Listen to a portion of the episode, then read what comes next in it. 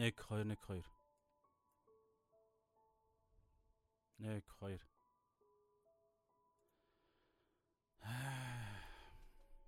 За. Рамэн тэтгэл яхан дуснаар минь ээ. За би нэг өө 30 хэдэн секундын зөрүүтэй юм байна. За ямар ч үсэн дараа нугаас яах юм чинь. За өнөөдөр бүгдээрээ Ром 9-р бүлгээ үргэлжлүүлнэ. За 6-аас 13 гэсэн ишлүүд дээр зөвмөрөө аа эзний судал эзний үгнээс судлах болно.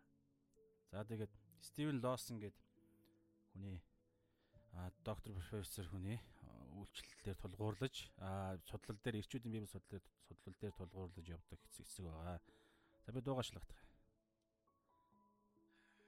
Окей. За за за. За тэгээд бүгд хамтдаа товч залбираад эхлэе.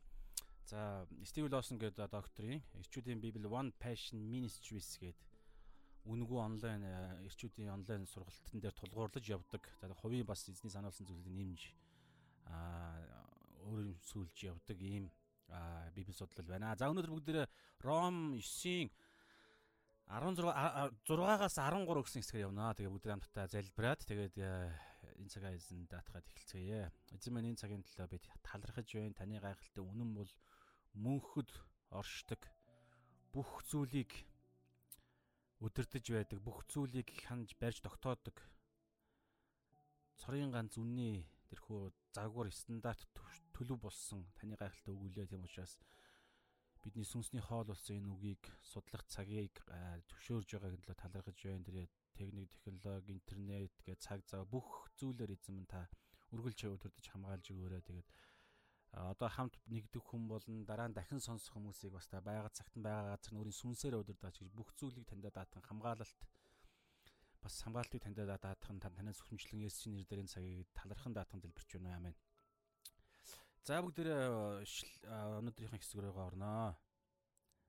За төгсгөлд нь комент уншдаг байгаа. Комент хэсэг дээр та бас юм үлдээж болно. Окей. За өнөөдрийн хэсэг болвол за Ром 9-ийн 6-аас 13 байна. За тэгээд бүгдээрээ ишлэлээ шууд уншия. За тэгээд явъя. За 6-аас 13 уншия. Ром 9:6-аас 13. Гэвч энэ нь Бурхны үг хүчингү болсон хэрэг биш юм. Учир нь Израилаас байгаа нь бүгд Израиль биш. Тэд Авраамийн үрч гэлээ бүгд түүний хүүхдүүд гэсэн үг биш. Харин Исаакаас гарсан нь л чиний үр удам гэж нэрлэгдэх болно гэжээ. Махуудын хүүхдүүд нь Бурхны хүүхдүүд биш харин амлалтын хүүхдүүд нь үр гэж тооцогдсон. Учир нь би өдийн үед эргэж ирнэ. Сара хүүтэй болно гэжээ. Энэ бол амлалтын үг юм.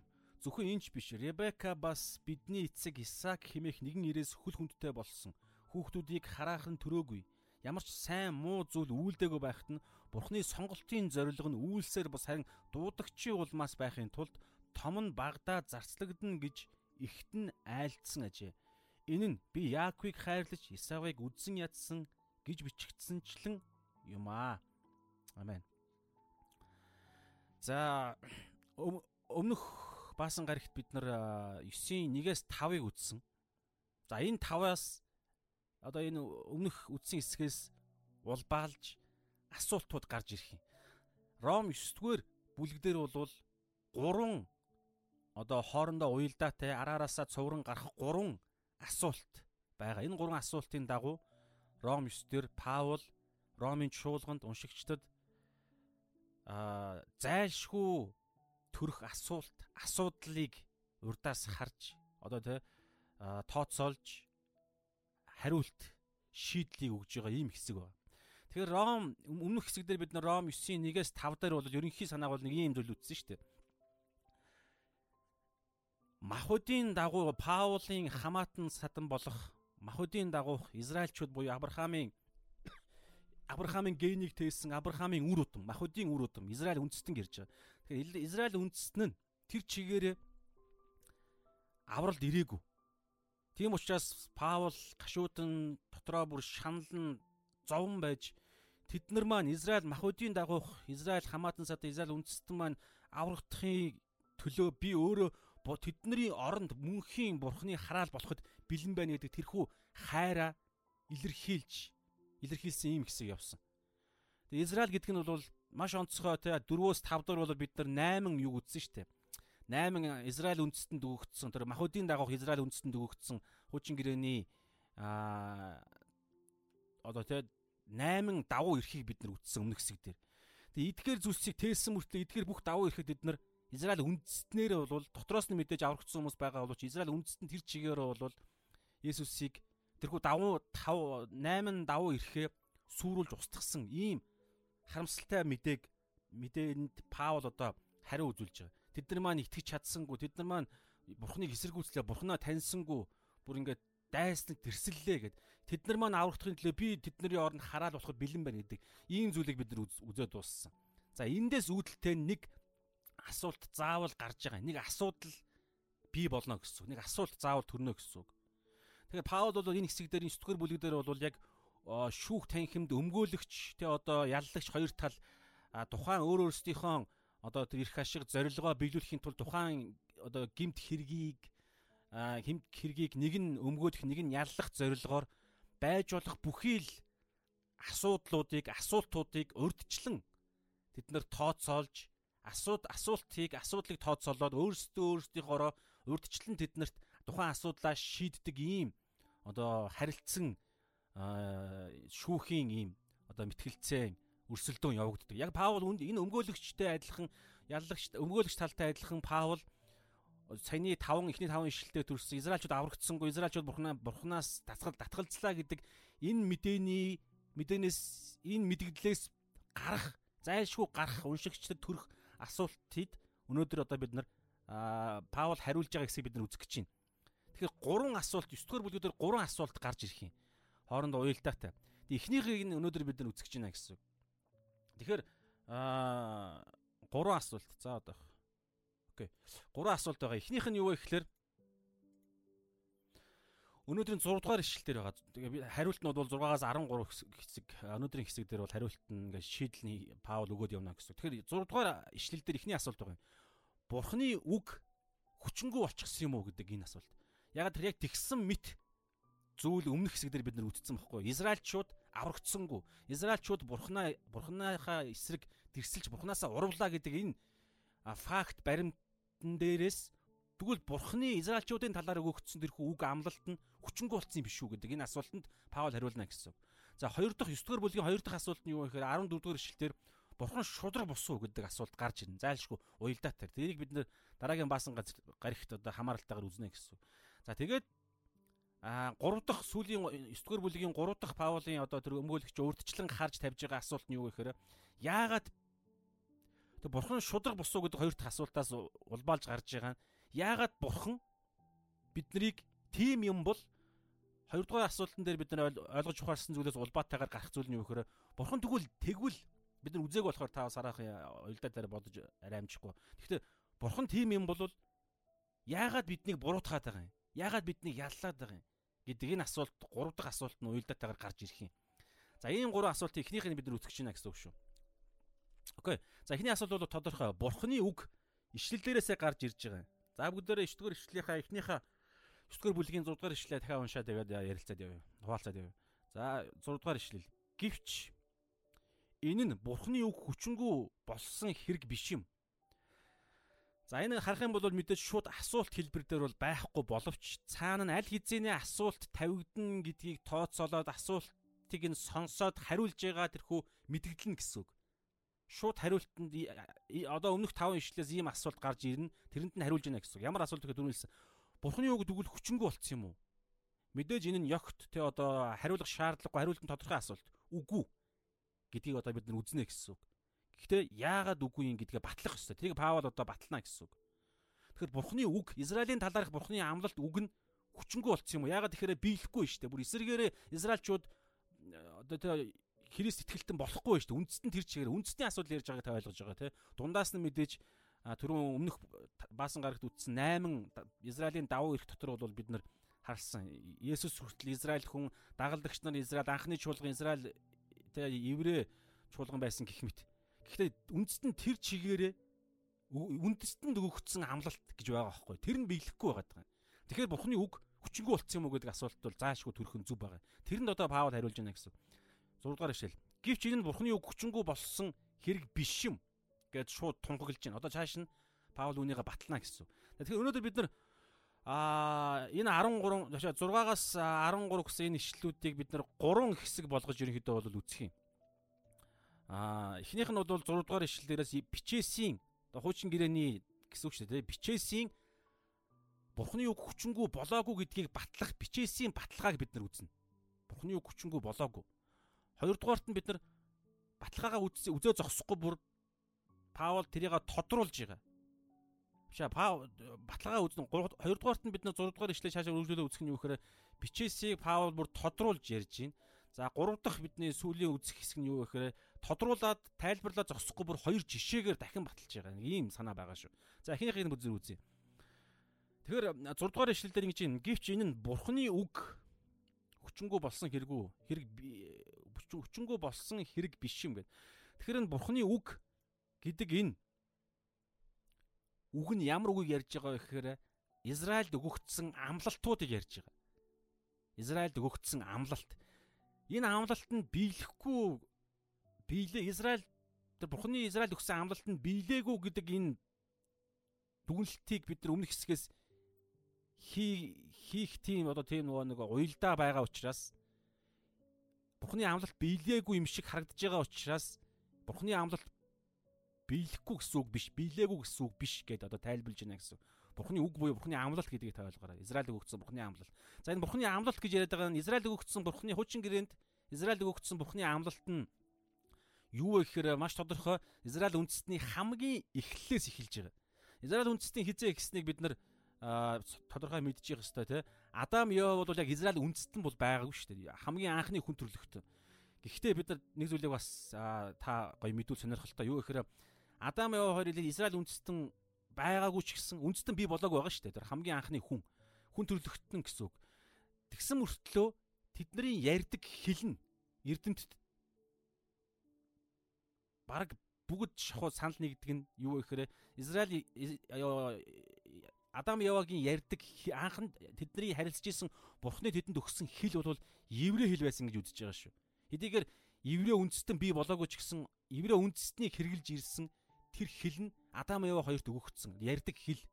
Энийг юугаар одоо баримжаалж баталж болж байгаа гэхээр Адам гэд бүх нэрүүд бүх нэрүүд Адам, Ева, Каин, Сет, Енош ингээд Ламех, Ноамо бүгд ганцхан хэл дээр энэ нэрний утга нь илэрхийлэгддэг. Тэр нь еврей хэлэн дээр. Адам гэдэг бол а улаан гэдэг орчуулгатай байдаг, бас шороо, бас хүн гэх мэт орчуулгуудтай. Энэ эдгээр одоо Ева гэдэг нь бол ам ам амьдрал, ам амьдралын их гэдэг ийм утгатай. Тэгээ эдгээр утга нь зөвхөн еврей хэл дээр байдаг. Тэгэхээр яг сонирхолтой хүднээс Израиль үндэстэн гэж байгаа хөхтэй Израилийн еврей хэл нь бол анханасаа өгөгдсөн. Тэгэхээр энэ еврей хэлний бас онцлог маш чухал гарч ирдэг ач холбогдол үнсэн. За ямар ч байсан Израиль үндэстэн хизээ бий болсон бэ гэхээр Авраамаас эхэлж байгаа бид нар мэдчихэж байгаа тийм. Авраам хүртэл буюу манай эртний өмнөх 2000-ад оны үед Авраам халдайн уур буюу Месопотамаас одоогийн Израилаас зүүн талд байгаа тэр газраас одоо харь үндэстэн хиймэл шүтэн шүтдэг тэр үндэстнээс бурхан нэг хүнийг сонгож тэр хүнээс Израиль гэдэг үндэстнийг одоо цаг хугацааны явцад бурхан бүтээж байгаа. Тэгэхээр Авраамийн дуудлага дотор Израильд өгөгдсөн бурханы ерөөл байгаа. Амлалт нь. Энэ амлалт энэ ерөөл хүчингү болцсон юм шиг харагдаж байгаа.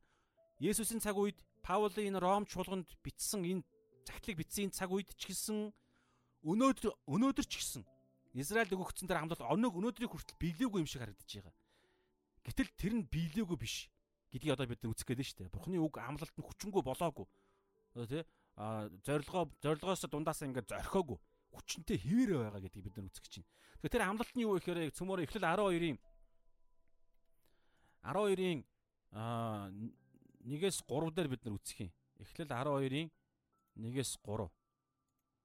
Ахаа. За окей. За унши эхлэл 12-1-ээс 3. Тэгээд эзэн Авраамд айлтгахдаа 12-оос л ерөөдөө дуудлага хэлж байгаа шүү дээ. Авраамын дуудлага хэлж байна.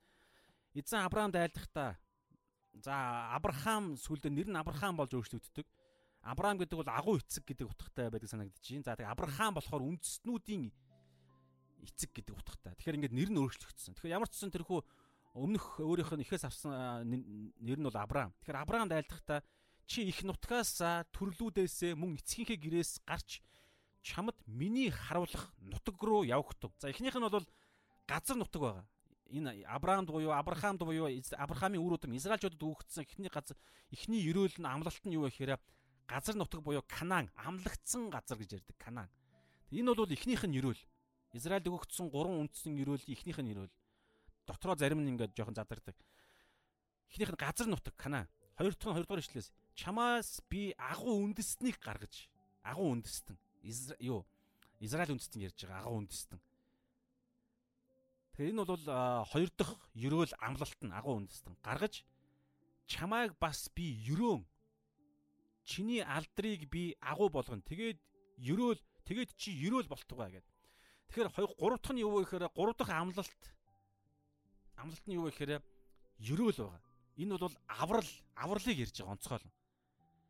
Ерөөл гэдэг бол ерөөсө бурхантай ойр бурхантай нэгдсэн төлөв байдлыг л зөвхөн ерөөл гэж Библи хэлдэг шүү. Тэрнээс биш баян тансаг амьдрал бол тэндээс гарч байгаа зүгээр үр даварна. Одоо үр жимссэн гэж ярьдаг цааяанда гарах нэмэлт зүйл нь яг үндсэн ерөөлийн үндэс нь болохоор бурхантай яг Абрах Адам Явагийн үед те Адам Явагийн уналтаас бий болсон тэрхүү хараал газарт буусан хараал те тэрхүү үр дагавар нь эргээд Авраамийн үр удам дотор нэг эмгхтэй үр удам чинь Авраамаар биелэл болж байгаа байхгүй Авраамийн үр удмаас тэрхүү аврал Месиа Есүс гарна гэдгийг энд илэрхийлж байгаа. Тэгснээр Авраамийн үр удам буюу Израильчууд эргээд дэлхийн ертөнцид ерөөл болно гэж ярьж байгаа. Өөрөөр хэлбэл Есүс чуул анхны чуулган элч нар тий ерөөл болж байгаа шүү дээ. Одоо бид нар ч гэсэн тэр ерөөлийг нь хүртэж байгаа. Тэгэхээр энэ гурван зүйл байгаа. Энэ гурван зүйл харах юм бол тодорхой зүгээр товчхон ганц үгээр өгүүлбэрээр хэлэх юм бол Бурхан Израилийг ерөөн гэсэн байна. Энэ амлалт байна. Дуулал 20 дуулал 122-ын 6 Захария 12-ын 9 Ром 11-ийн 29 дээр бид нар үзэх юм байна. Гэх мэт олон ишлүүдээр Бурхан Израилийг онцгойлон сонгож ирүүлсэн гэдгийг санаа ба. Ингиж амлсан амлалт байтал одоо харахаар Есүс Паулийн цаг үед Есүсийн цаг үед одоо ч гэсэн харахаар нөгөө Израиль үндэстэн нь үл итгэлд байсаар л байгаа одоо ч гэсэн. Аврагдаагүй тэр ч үндэстэн тэр чигээрээ аврагдаагүй байдалд байсаар л байгаа. Мэдээж дундаас нь үлдгэсэд сонгогдохсод бол гарч ирж байгаа.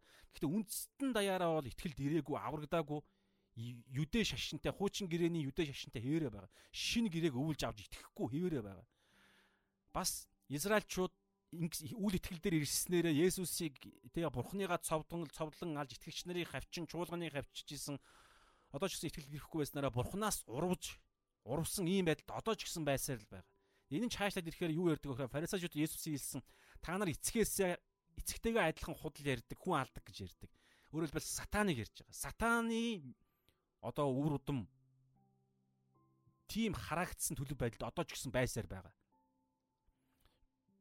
Нөгөө талаараа чуулган чуулган гэдэг энэ хиллэг бол Библийн дагуу Бурхны чуулган гэж ярихаар хуучин гэрээнд Израиль гэж нэрлэгдэжсэн. Шинэ гэрээнд Израиль, Мизраиль гэд ялгаа байхгүйгээр бүгд ингээд нэг том чуулган болж нэгдэж байгаа. Йохан 10 дээр энийг ярьдаг. А Бурхны хонин сүрэг тэгээд өөр бас хонин сүрэг хамтдаа нэг хончинтой хонин сүрэг болно гэж ярьдаг. Гэхдээ юу шүү? Израиль гэдэг онцлог бол үргэлж хിവэрэ байна. Онцлог нь бол явж байна. Гэхдээ амлалт мамлалт тэр сайн сайхан зүйл бүгд ингээд нэгтчихэж байгаа байхгүй юу? За энэ ингээд янз янзын ойлголтууд дунд нь явж байгаа. Ямар ч байсан хэлж байгаа гол санаа одоо нэг хуучин гэрээний чуул Израиль чуулган болсон Израиль шин гэрээнд ч гэсэн эзэндээ итгээд эзнийгээ аваад шин гэрээний чуулганы чуулганыг бараг тэргүүлээд ч гэдэг юм уу чуулгантай хамт ингээд явж явах хэрэгтэй байтал одоогийн чуулган гэж харахаар Израилаас бусад харь үндэстнүүд байгаа. Та одоо ингээд харах юм бол мэдээж Израиль итгэгч нар байгаа ч гэсэн ихэнх нь харь үндэстнүүд байгаа. Ингээд тоогоороо ярьсан ч гэсэн. Гэх мэдчлэн иймэрхүү асуудал гарч ирж байгаа. Ингээд өөр амлалт нь биелээгүй юм шиг. Сонгогдсон. Гэтэл бурхан Израиль бол тэ хуучин гэрээнд бус бусад улс үндэстнүүдээс бурхан Израилийг сонгож яг Израилийг сонгож гэхээс илүүгээр бусад хүмүүс дундаас бурхан Авраамыг сонгоод Авраам гэдэг нэг хүнээс гайхамшигтай одоо бид нар үзсэн гайхамшигтай арга замаар Бурхан боломжгүй зүйлийг хийж гайхамшигар Израиль гэдэг үндэстнийг Бурхан өөрөө бий болгосон. Байж исэн Израиль үндэстнийг сонгосон юм бол биш.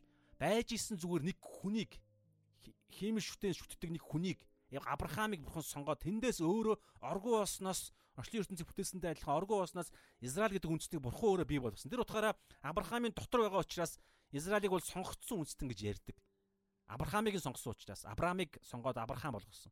Тэгээ сонгогдсон байтал яагаад сонгогдсон биш юм шиг одоо авирлж байгаа юм бэ гэдэг энэ асуудал асуудалтанд одоо ерөнхийдөө бол хариулж байна гэсэн үг байхгүй юу?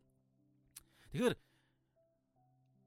Израильд өгөгдсөн бурхны энэ хөө Израилийг ерөөнөө, Израилийг сонгосон Израилийг би ерөөнө. Израиль бол миний тий одоо сонгосон ард түмэн онцгой гэдэг энэ ойлголт ерөөл бол а хүчингүү болоогүй гэдгийг Паул 9 дугаар бүлэг дээр давтан давтан баталж байгаа. Одоо энэ амлалт гэж ярихаар хуучин гэрээний амлалтыг ярьж байгаа шүү дээ. Паул Ром намын захидлыг бичгэд шинэ гэрээ бичигдээчгүй бичигдээгүй байгаа шүү дээ. Мэдээ захидал юу сайн мэдээ ном бичигдсэн байсан ч гэсэн. Ямар ч гэсэн бичээс гэж ярихаар үг бичээс гэж ярихаар хуучин гэр ярьж байгаа. Тэр хуучин гэрээнд доторх Израилийн амлалтууд бол хэвээрээ байгаа гэдгийг батлахтаа бурхан хууч Паул хуучин гэрээний ишлэлүүдээс одоо 14 ишлэл одоо хэсгээс Паул 14 удаа иш татан 9 дугаар бүлэг дээр Израиль үндэстэн үндэстэнд үндэстэнд өгөгдсөн Бурхны амлалт хэвээрээ байгаа гэдгийг Паул баталж байгаа юм. За тэр 14-ийг би зүгээр жагсаалтаа уншия. Зүгээр унш унших угаасаа бид ингээд эхнээс нь үзэн явж байгаа учраас 9 дугаар бүлэг дээр байгаа 14 хэсгээс иш татсан. Гэхдээ 13 11 одоо ишлэл дээр илэрж байгаа. Зарим дээр нь давхцаад. Тэгэхээр одоо 7 дугаар ишлээс бид нар үзнэ. Тэгэхээр 7 дугаар ишлэлээр бол эхлэл 21-ийн 12-ыг иш татсан. За энэ иш татсан гэж ярьж байгаа нэг энэ иш татсан иш таталтуудыг хэлэх болгонд энэ баталгаа яваад байгаа шүү. Дандаа баталж байгаа. Бурхан Израильд өгсөн ерөөлний хэвээрээ байгаа гэдгээ Паул 9 дугаар бүлэг дээр давтан давтан хуучин гэрнээс иш татан татан одоо хуулийг хуулийн заалтыг юу дэлгэн дэлгэн баталж байгаа өмгөөлөгчтэйг адилхан гэсэн үг шүү. Маш чухал баталгаа ярьж байгаа. Тэгэхээр 7 дугаар ишлэл дээр эхлэл 21-ийн 12-ыг иш татсан байна. 9 дугаар ишлэл дээр эхлэл 18-ийн 10 10 14-ийг иш татсан байна. 12 дугаар ишлэл дээр эхлэл 25-ын 23-ыг иш татсан байна. 13 дугаар ишлэл дээр Малахын 1-ийн 2-оос 3-ыг иш татсан байна. 15 дугаар ишлэл дээр гитлэл 33-ын 19-ыг иш татсан баталсан байна. 17 дугаар ишлэл дээр гитлэл 9-ийн 16-ыг иш татан баталж байна. 25 дугаар ишлэл дээр Хосея 2-ын 23-ыг иш таталж иш татж байна. 26 дээр Хосея 1-ийн 10-ыг иш татсан байна. 27 дугаар ишлэл дээр Исая 10-ын 22-оос 23, Эхлэл 22-ын 17-ыг иш татан баталсан байна. 29 дугаар ишлэлдэр Исая 1-ийн 9-ийг иш татсан байна. 33 дугаар ишлэлдэр Исая 8-ийн 14, 28-ийн 16 гэх мэт ишлэлүүдийг иш татан ийм 14 иш таталтаар баталгаа гаргаж ирж Израиль өгөгдсөн амлалт хүчингү болоогүй хэвээрээ байгаа гэдгийг Паул баталж байгаа юм. 7 дугаар аа 9 дугаар бүлэг дээр. Тэгэхээр энэ юу гэсэн үг вэ гэхээр энд маш чухал нэг зүйл яригддаг. За энэ одоо би хэдийн ишлэлийг зүгээр цөмөрө хальт харъя. Тэгээ энийг харахтаа та өөртөөгөөс хамааралтай бодоорой. Танд өгөгдсөн бурхны амлалтууд гэж байгаа. За яг хувьчилж өгөгдсөн амлалтууд гэдэг янз янзын хүмүүс бас ярьдаг шүү дээ. Ингээд нөгөө нэг бурхан надад тийм хүнээ дамжуулан шизүүлж тэдгэр ишлэг өгсөн мөксөн ингээд зөндөө юм байгаа. Тэрнээс гадна хамгийн суур нь юу гэхээр бүх итгэгч нарт өгөгдсөн асар их шин гэрэний бүх амлалтууд бүх итгэгч нарт өгөгдсөн баггүй юу? Израиль чуулган гэж ялахгүйгээр бүгдэнд нь өгөгдсөн. Гэхдээ Израиль гэдэг нь өөрийнх нь онцлог бол хэвээрээ байгаа шүү. Одоо Израиль гэж үндэстэн онцлог байгаа болцсон гэдэг бас үзэл байдаг. Тэр мөр бол буруу гэж ер нь үзэж байгаа. Онцлог бол хэвээрээ боловч тэрхүү бурхны ард түмэн болсон гэдэг нь бол ялгаагүй бүгд нэг болсон гэдэг санаа байна.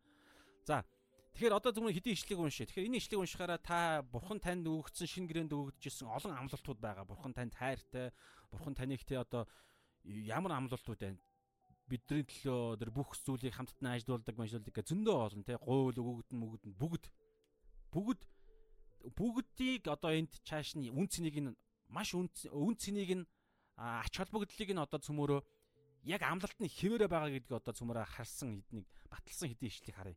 Еврей 4:12 дээр л ингэж байгаа шүү дээ. Учир нь бурхны үг нөгөө амлалт. Бурхны үг танд өгөгдсөн амлалт үгийг та бодоорой. Бурхны үг амьд бөгөөд үргэлж амьд байдаг итгэвхтэй. Өөрөөр хэлбэл байнгын ажиллагаандаа байдаг. 5 жилийн 5 жилийн өмнө танд өгсөн амлалт ингээд унтцсан эсвэл биднээс болоод тэр амлалт биелэхгүй ингээд зогсон гацаанд орцсон морцсон гэдэг юм байхгүй. та дахин төрсөн Есүстэй нэгдсэн, итгэн гимшсэн Есүсийг эзнийхээ өөрийнхөө аврагч эзнээ болгосон л бол ямар нэгэн байдлаар тэр амлалт итгэвтэй юмд явж л байгаа. Мэдээж биднээс шалтгаалаад энэ итгэвтэй байдал нь ингээд янз янзын байдлаар ингээд удаашрах тэ одоо янз янзын тойруу арга зам тойруу тойрох маягаар ингэж явах тохиолдол байгаа. Яг тэгэхээр бидний итгэлтэй хамтарч ажилладаг учраас. Гэхдээ зогсон гэж юусоо байхгүй. Үргэлж итгэвтэй байд. Тэгэхээр Бурхны үг бол амьд бөгөөд итгэвтэй.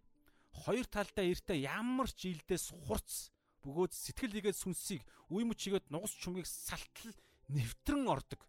Тэгэхээр бидний оюун санаа хуучин хിവэрэ те бидний мах бод гим нүглийг үлдэхийг хүсдэг. Тэгээ сүнс маань хүртэл балчир иймэрхүү байдлаас байдал байсан ч гэсэн Бурхны үг амлалт ямар нэгэн байдлаар амьд итгэвтэй учраас биднийг өөрчлөх, биднийг Есүстэй адилхан болгохын төлөө Бурхан хамгийн зөв аргаараа биднийг бүр ингээд бидний хүрч чадахгүй бид нар өөрөө ч гэсэн дотроо байгаа зүйлээ харж чадахгүй. Тийм байхад бидний сүнс сэтгэлийг үе мөч нугас чумыг дундуур нь нэвтэлтэл салах салахтал салтал нэвтрэн ордог ийм гайхалтай хүч чадалтай ийм хоёр талдаа эргэтэй хурц үг байгаа. Бурхны үг. Нөгөө танд өгөгдсөн амлалтыг яриад байгаа шүү дээ. Үг нэвтрэн ордог агаа зүрхний бодол санаа хийгээд а зүрхний бодол хийгээд санаагч шүүх чадвартай гэж байгаа. Тэгэхээр бид нар өөр өөрсдийнхөө юу бодоод байгаагаа хэний бодлоо бузар мөгийн бодол бодоод байгаа юм уу? Би өөрөө бодоод байгаа юм уу? Ариун сүнс хэлээд байгаа юм уу? Бүү мэдэхгүй байхад бурхны үг тэр бүгдийг дотор нь орж зүв. Байр суурин дээр нь тавьж зүв. Хим химжүүрийг одоо та юу дэнсэлж шүүлтийг бий болгож идэг бурхны үг. Тэгээд бурхны үг чинь бидний дотроос бүтээл шинийг бүтээх тэрхүү ариусгалын ажлыг байнга хийж байгаа. Бурхны үг болон сүнс. Тэгэхээр нөгөө амлалт бол үргэлж таны хувьд хүчнтэй хэвээрээ байгаа гэдгийг ярьж байна. За Матай 5:18 дээр бол ингэж байгаа. Үннээр би та нарт хэлье. Есүс уулан дээр сургаалаар сургаалаа номлож эхлэхдээ ингэж хэлж байна гэсэн үг. Үннээр би та нарт хэлье. Аа Тэнгэр газар өнгөрөн одож бүгд биелэгттэл хуулаас ганц ч үсэг ганц ч зураас алга болохгүй. Тэнгэр газар өнгөр одтол буюу энэ дэлхийн ертөнц байж л байгаа бол Бурхны үгнээс амлалтаас хуулаас юу ч алга болохгүй бүгд хэвээрээ байгаа гэж ярьж байгаа. Исая 4-ийн 40-ийн 8 дээр бол ингэж байна. Өвс хатаж цэцэг ганддаг харин бидний Бурхны үг мөнхөд байна гэж ярьж байна. 2 дугаар Коринт энэ гоё ишлэл. 2 дугаар Коринт 1-ийн 20 дээр ингэж байгаа. Учир нь Бурхны бүх амлалт түүний дотор Бурхны дотор Есүсийн дотор заа ажээ гэж байгаа. Үргэлж тиймээ гэж хэлдэг. Бурхан бидэнд өгөгдсөн амлалт байгаа бол бүх амлалт нь нэгэн ч үгүй. Энэ хүн дуулуур дуулуургүй байгаа учраас энэ хүн ийм сул дорой байгаа учраас энэ хүнд энэ амлалт энэ энэ хүнд энэ амлалт нь энэ энэ амлалтын талаар энэ хүнд би үгүй гэж хэлнэ гэдэг юм байхгүй. Бүх амлалт нь Есүсийн дотор заа гэж байдаг гэж байгаа байхгүй юу? Тиймд бурхны алдрын тулд түүгээр дамжуулан бид амин гэж хэлдэг. Бүх амлалтыг бид бичээсээс шин гэрээнээс за хуучин гэрээ ялгаа авахгүй тэгэхээр хуучин гэрээ зарим биелсэн. Шин гэрээнд байгаа тэрхүү хуучин гэрээнийг тайлбарлсан тэрхүү төгс болгосон, бүрэн болгосон амлалтуудыг та уншиж сундлаад бүгдийг нь аваад бүгдийг нь амин гэж хэлээд аваад байх хэрэгтэй гэсэн үг. Бүгд нь танд заа гэж хэлж байгаа Есүсийн дотор. Тэгэхээр та өөрөө Есүсийн дотор байх гэдэг төлөв байдалтай байгаа цагт тэр амлалт биелнэ гэсэн үг. Есүсийн дотроос одоо тэ аврагцсан хүнийг ярьж байгаа шүү. Угаасаа Есүсийн дотор байгаа. Гэхдээ бид оюун санаагаараа байхгүй болохоор тэр амлалтыг дундуур нь ингэж тэ удаашруулах тийм байдал би болдог гэдгийг ярьж байгаа шүү. Энэ бол бодиттой факт байгаа. Тэгээ эндээс ч гэсэн үүдээ цаашаага мөнхийн улсад ялгаатай ялгаатай аа алдар ялгаатай одны алдар гэдэг бүх алдрууд ялгаатай байдаг. Тэр ялгаатай шагналууд яригдана гэж ярьдаг. За би нэг зүйлийг нэрээ сүл өчигдөр би бас судалж байгаа нэг зүйлийг лаг гой зүйлийг ойлгосон. Тэрний үехээр а бичээсийн олон хэсэг дээр бид мөнхөө улсад алдар шагнал ялгаатай гэж ярьдаг. Бүгд аврагдсан мөртлөө орохдоо энэ дэлхий дээр ямар итгэлийн амьдралаар Есүсийн сайн мэдээ, тэ Есүсийн алдрын төлөө, сайн мэдээний төлөө хэр явж байгаас шалтгаалаад Тэнгэрийн улсад шагнал нь ялгаатай гэж ярьдаг. Гэтэл Джонатан Эдвардс гэдэг хүний нэг хэсгийг би ингээд судалж исэн чинь нэг зүйлийг Джон Пайпер гэдэг пастор Джонатан Эдвардсын энэ зүйл дээр маш чухал нэг комент хэлсэн юу гэхээр аа Джон Джонатан Эдвардсын хэлсэн комент байхгүй юу? Джон Пайпер тэрийг ингээд хуваалцсан. Юу гэхээр алдар гэдэг бол тэгээ одоо мөнхөн улсад шагнал алдар нь бүгд ялгаатай. Гэхдээ энэ нь юу гэсэн үг биш вэ гэхээр тэнд очиод мөнхөө аврагдсан хүмүүс дотор авар бүгд аврагдсан мөртлөө тэндээ очиод ингээд зарим нь баг шагнал аваад алдар нараа баг учраас ингээд жоохон гундуу одоо тийм гомцсон ч юм уу эсвэл сэтгэл дундуур эсвэл арай илүү байгаагаа хараад жоохон хатаархсан юм шиг иймэрхүү ойлголт ерөөсөө нэгч байхгүй гэж байгаа. Энэ маш чухал point юм. Нэгч байхгүй. Бүгд байж тээ те. Энэ Jonathan Edwards-ийн Ром 2-ын 10 дугаар ишлэлээр тайлбарлаж өгсөн комент номлолын хэсгээс хэсэг дээр нь байд юм билээ шүү. Та англи хэлтэй бол Google-ээс ингээд те а Jonathan Edwards гэдэг commentary of Rome Romans 2 тэ одоо 2 дугаар бүлгийн 10 дугаар ишлэгээ дарах юм бол баг хамгийн ихэнд гарч ирдэг Jonathan Edwards-ийн юу юм бэ лээ шүү одоо юу нийтлэл комент юу номлолын хэсэг энэ дээр байгаа дэлгэрэнгүй байт юм бэлээ юу гэхээр бүгдээрээ шагнал алдар нь өөр боловч мөнхөн улсад очихоороо бүгд төгс баяр хөөр аз жаргал сэтгэл хангалуун байдал дотор явна гэж ярьж байгаа. Бүгдээрээ заяа. Шагнал нь ондоо мөртлөө, байр суурь нь ондоо, алдар нь ондоо мөртлөө нөгөө нэг сэтгэл ханамжтай байдал нь бүгд адилхан аз жаргалтай, ивэл өрөөл баяр хөөртэй, сэтгэл хангалуун байдалтай. Нэг ч гомдорхсон, гунигсан юм байхгүй, харамссан юм байхгүй гэж байгаа. Яагаад вэ гэхээр яг юутай адилхан. А Джон Дэвидсон болохоор нэг зүйлөө жишээ татсан юм гэхээр яг далайгаас хүн ингээд саваар ус ус авахд тэр тухайн хүний сав бүх сав нь дүүрнэ. Хангалттай ямар ч сав байсан дүүргэнэ. Гэхдээ нэг ялгаа нь хүн болгоны савных нь хэмжээ нь ондоо. Гэхдээ би одоо жишээ нь би ингээд за би одоо энэ аягаар энэ аягаар би далайгаас утгалаа гэж бодъё. Жижиг аяг байгааз энүүгээр утгахад энэ аяг маань дүүрнэ. Тийм учраас миний сэтгэл одоо юу гэдэг миний өөрийнх нь өгөгдөл маань энэ аяг аягны хэмжээнд байлаа гэж бодохоор дүүрж байгаа учраас би сэтгэл хангалуун байх болно гэсэн. Мөнхөд сэтгэл хангалуун байна.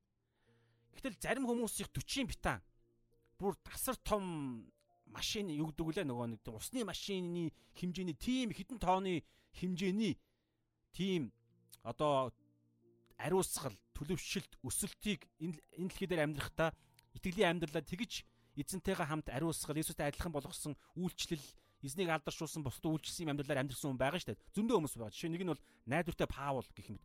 Тэгэхээр Паулын тэрхүү алдрынх нь хэмжээ нь бол асар хитэн тооноор хэмжигдэх тийм сав байрлалаа гэж бодоход хитэн тооноор хэмжигдэх тэр савыг сав хүртэл савыг хүртэл тэрхүү далай дүүргэн штэ. Миний аягч дүүргэн хитэн тооны савыг ч гэсэн том машины том баллоныг ч гэсэн дүүргэнэ гэсэн үг.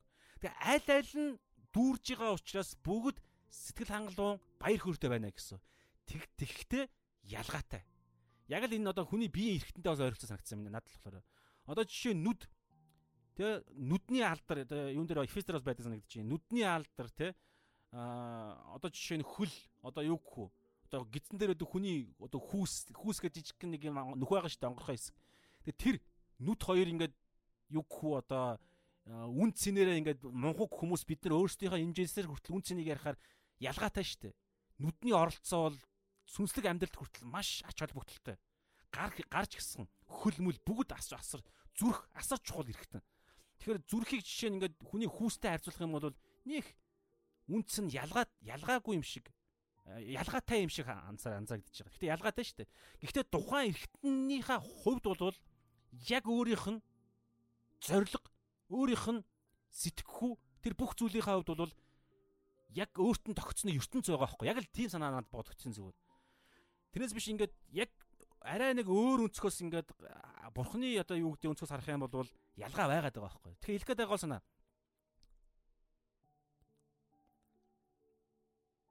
Бид бүгдээрээ аа яг адилхан аа амлалт ивэл өрөөл бүгдээрээ авж байгаа. Бүгд яг амлалт ивэл өрөөл авж байгаа. Тэр нь бүгд биелэн. Гэхдээ энэ дэлхий дээр түрүүний хэлж байгаа санаагаар те аа мөнхийн улсад очиод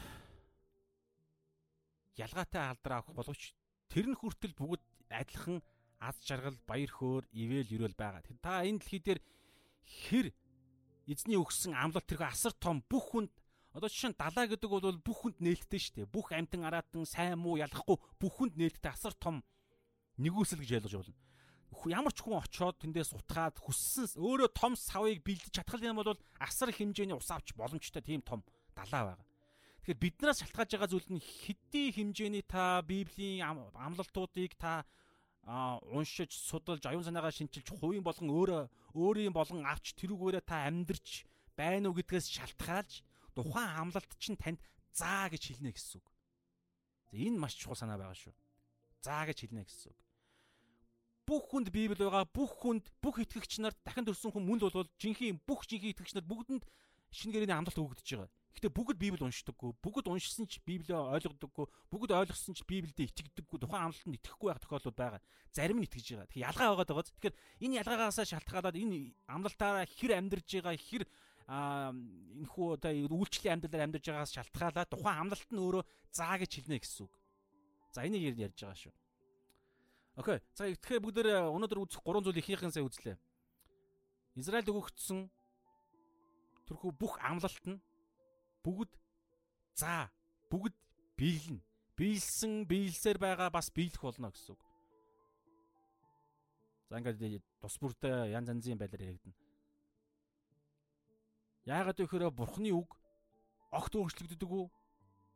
Үргэлж энэ дэлхийн өнгөрөн өнгөртөл үргэлж хിവэрэ мөнхөд тогтдог бүх амлалт нь заа гэж хэлдэг гэдэг. Үүнийг Паул ингээ батлаад байна гэсэн 14-ийн иш таталтаар. За тэгэхээр бичээсийн баталгаа бол юм байла. За хоёрдугаарт нь бүгдээрээ 6-гийн 2 дахь хэсгээс ингээд 2 дахь хэсгээр гарч ирж байгаа. Бичээсийн тодруулга байгаа. Одоо ойлголтын одоо тайлбарлах гэдэг энэ санааг ойлгоход маш чухал түлхүүр болох нэг тодруулж байгаа зүйл байгаа. 9-ийн 6-гийн сүүлийн би бүгд уншия. Учир нь гэдэг одоо энэ тайлбарлаж байна те. Бурхны үг 6 дараа ингэсэн шүү дээ. Гэвч Бурхны үг буюу амлалт нь хүчингү болоог хүчингү болсон хэрэг биш юм а. Израиль өгөгдсөн амлалт хүчингү болоогүй хിവэрэ байгаа гэж хэлчихэд яагаад хിവэрэ байгаа вэ гэхлээр гэж тайлбарлаж байна. Учир нь Израилаас байгаа байгаа нь бүгд Израиль биш гэдэг энэ чухал түлхүүр байгаа. Энэ зүйл цаашаага маш чухал чухал зүйлсүүдийг тайлбарлана гэсэн. Израилаас байгаа бүх хүмүүс Израиль биш гэдэг энэ санаа. За бүгд ойлгоо. Тэгэхээр Израилаас байгаа нь гэдэг нь юу ярьж байгаа вэ гэхээр Израиль махуудын дагуу буюу Израиль хүн болж төрсөн. Дотор Авраамийн генийг тээсэн те.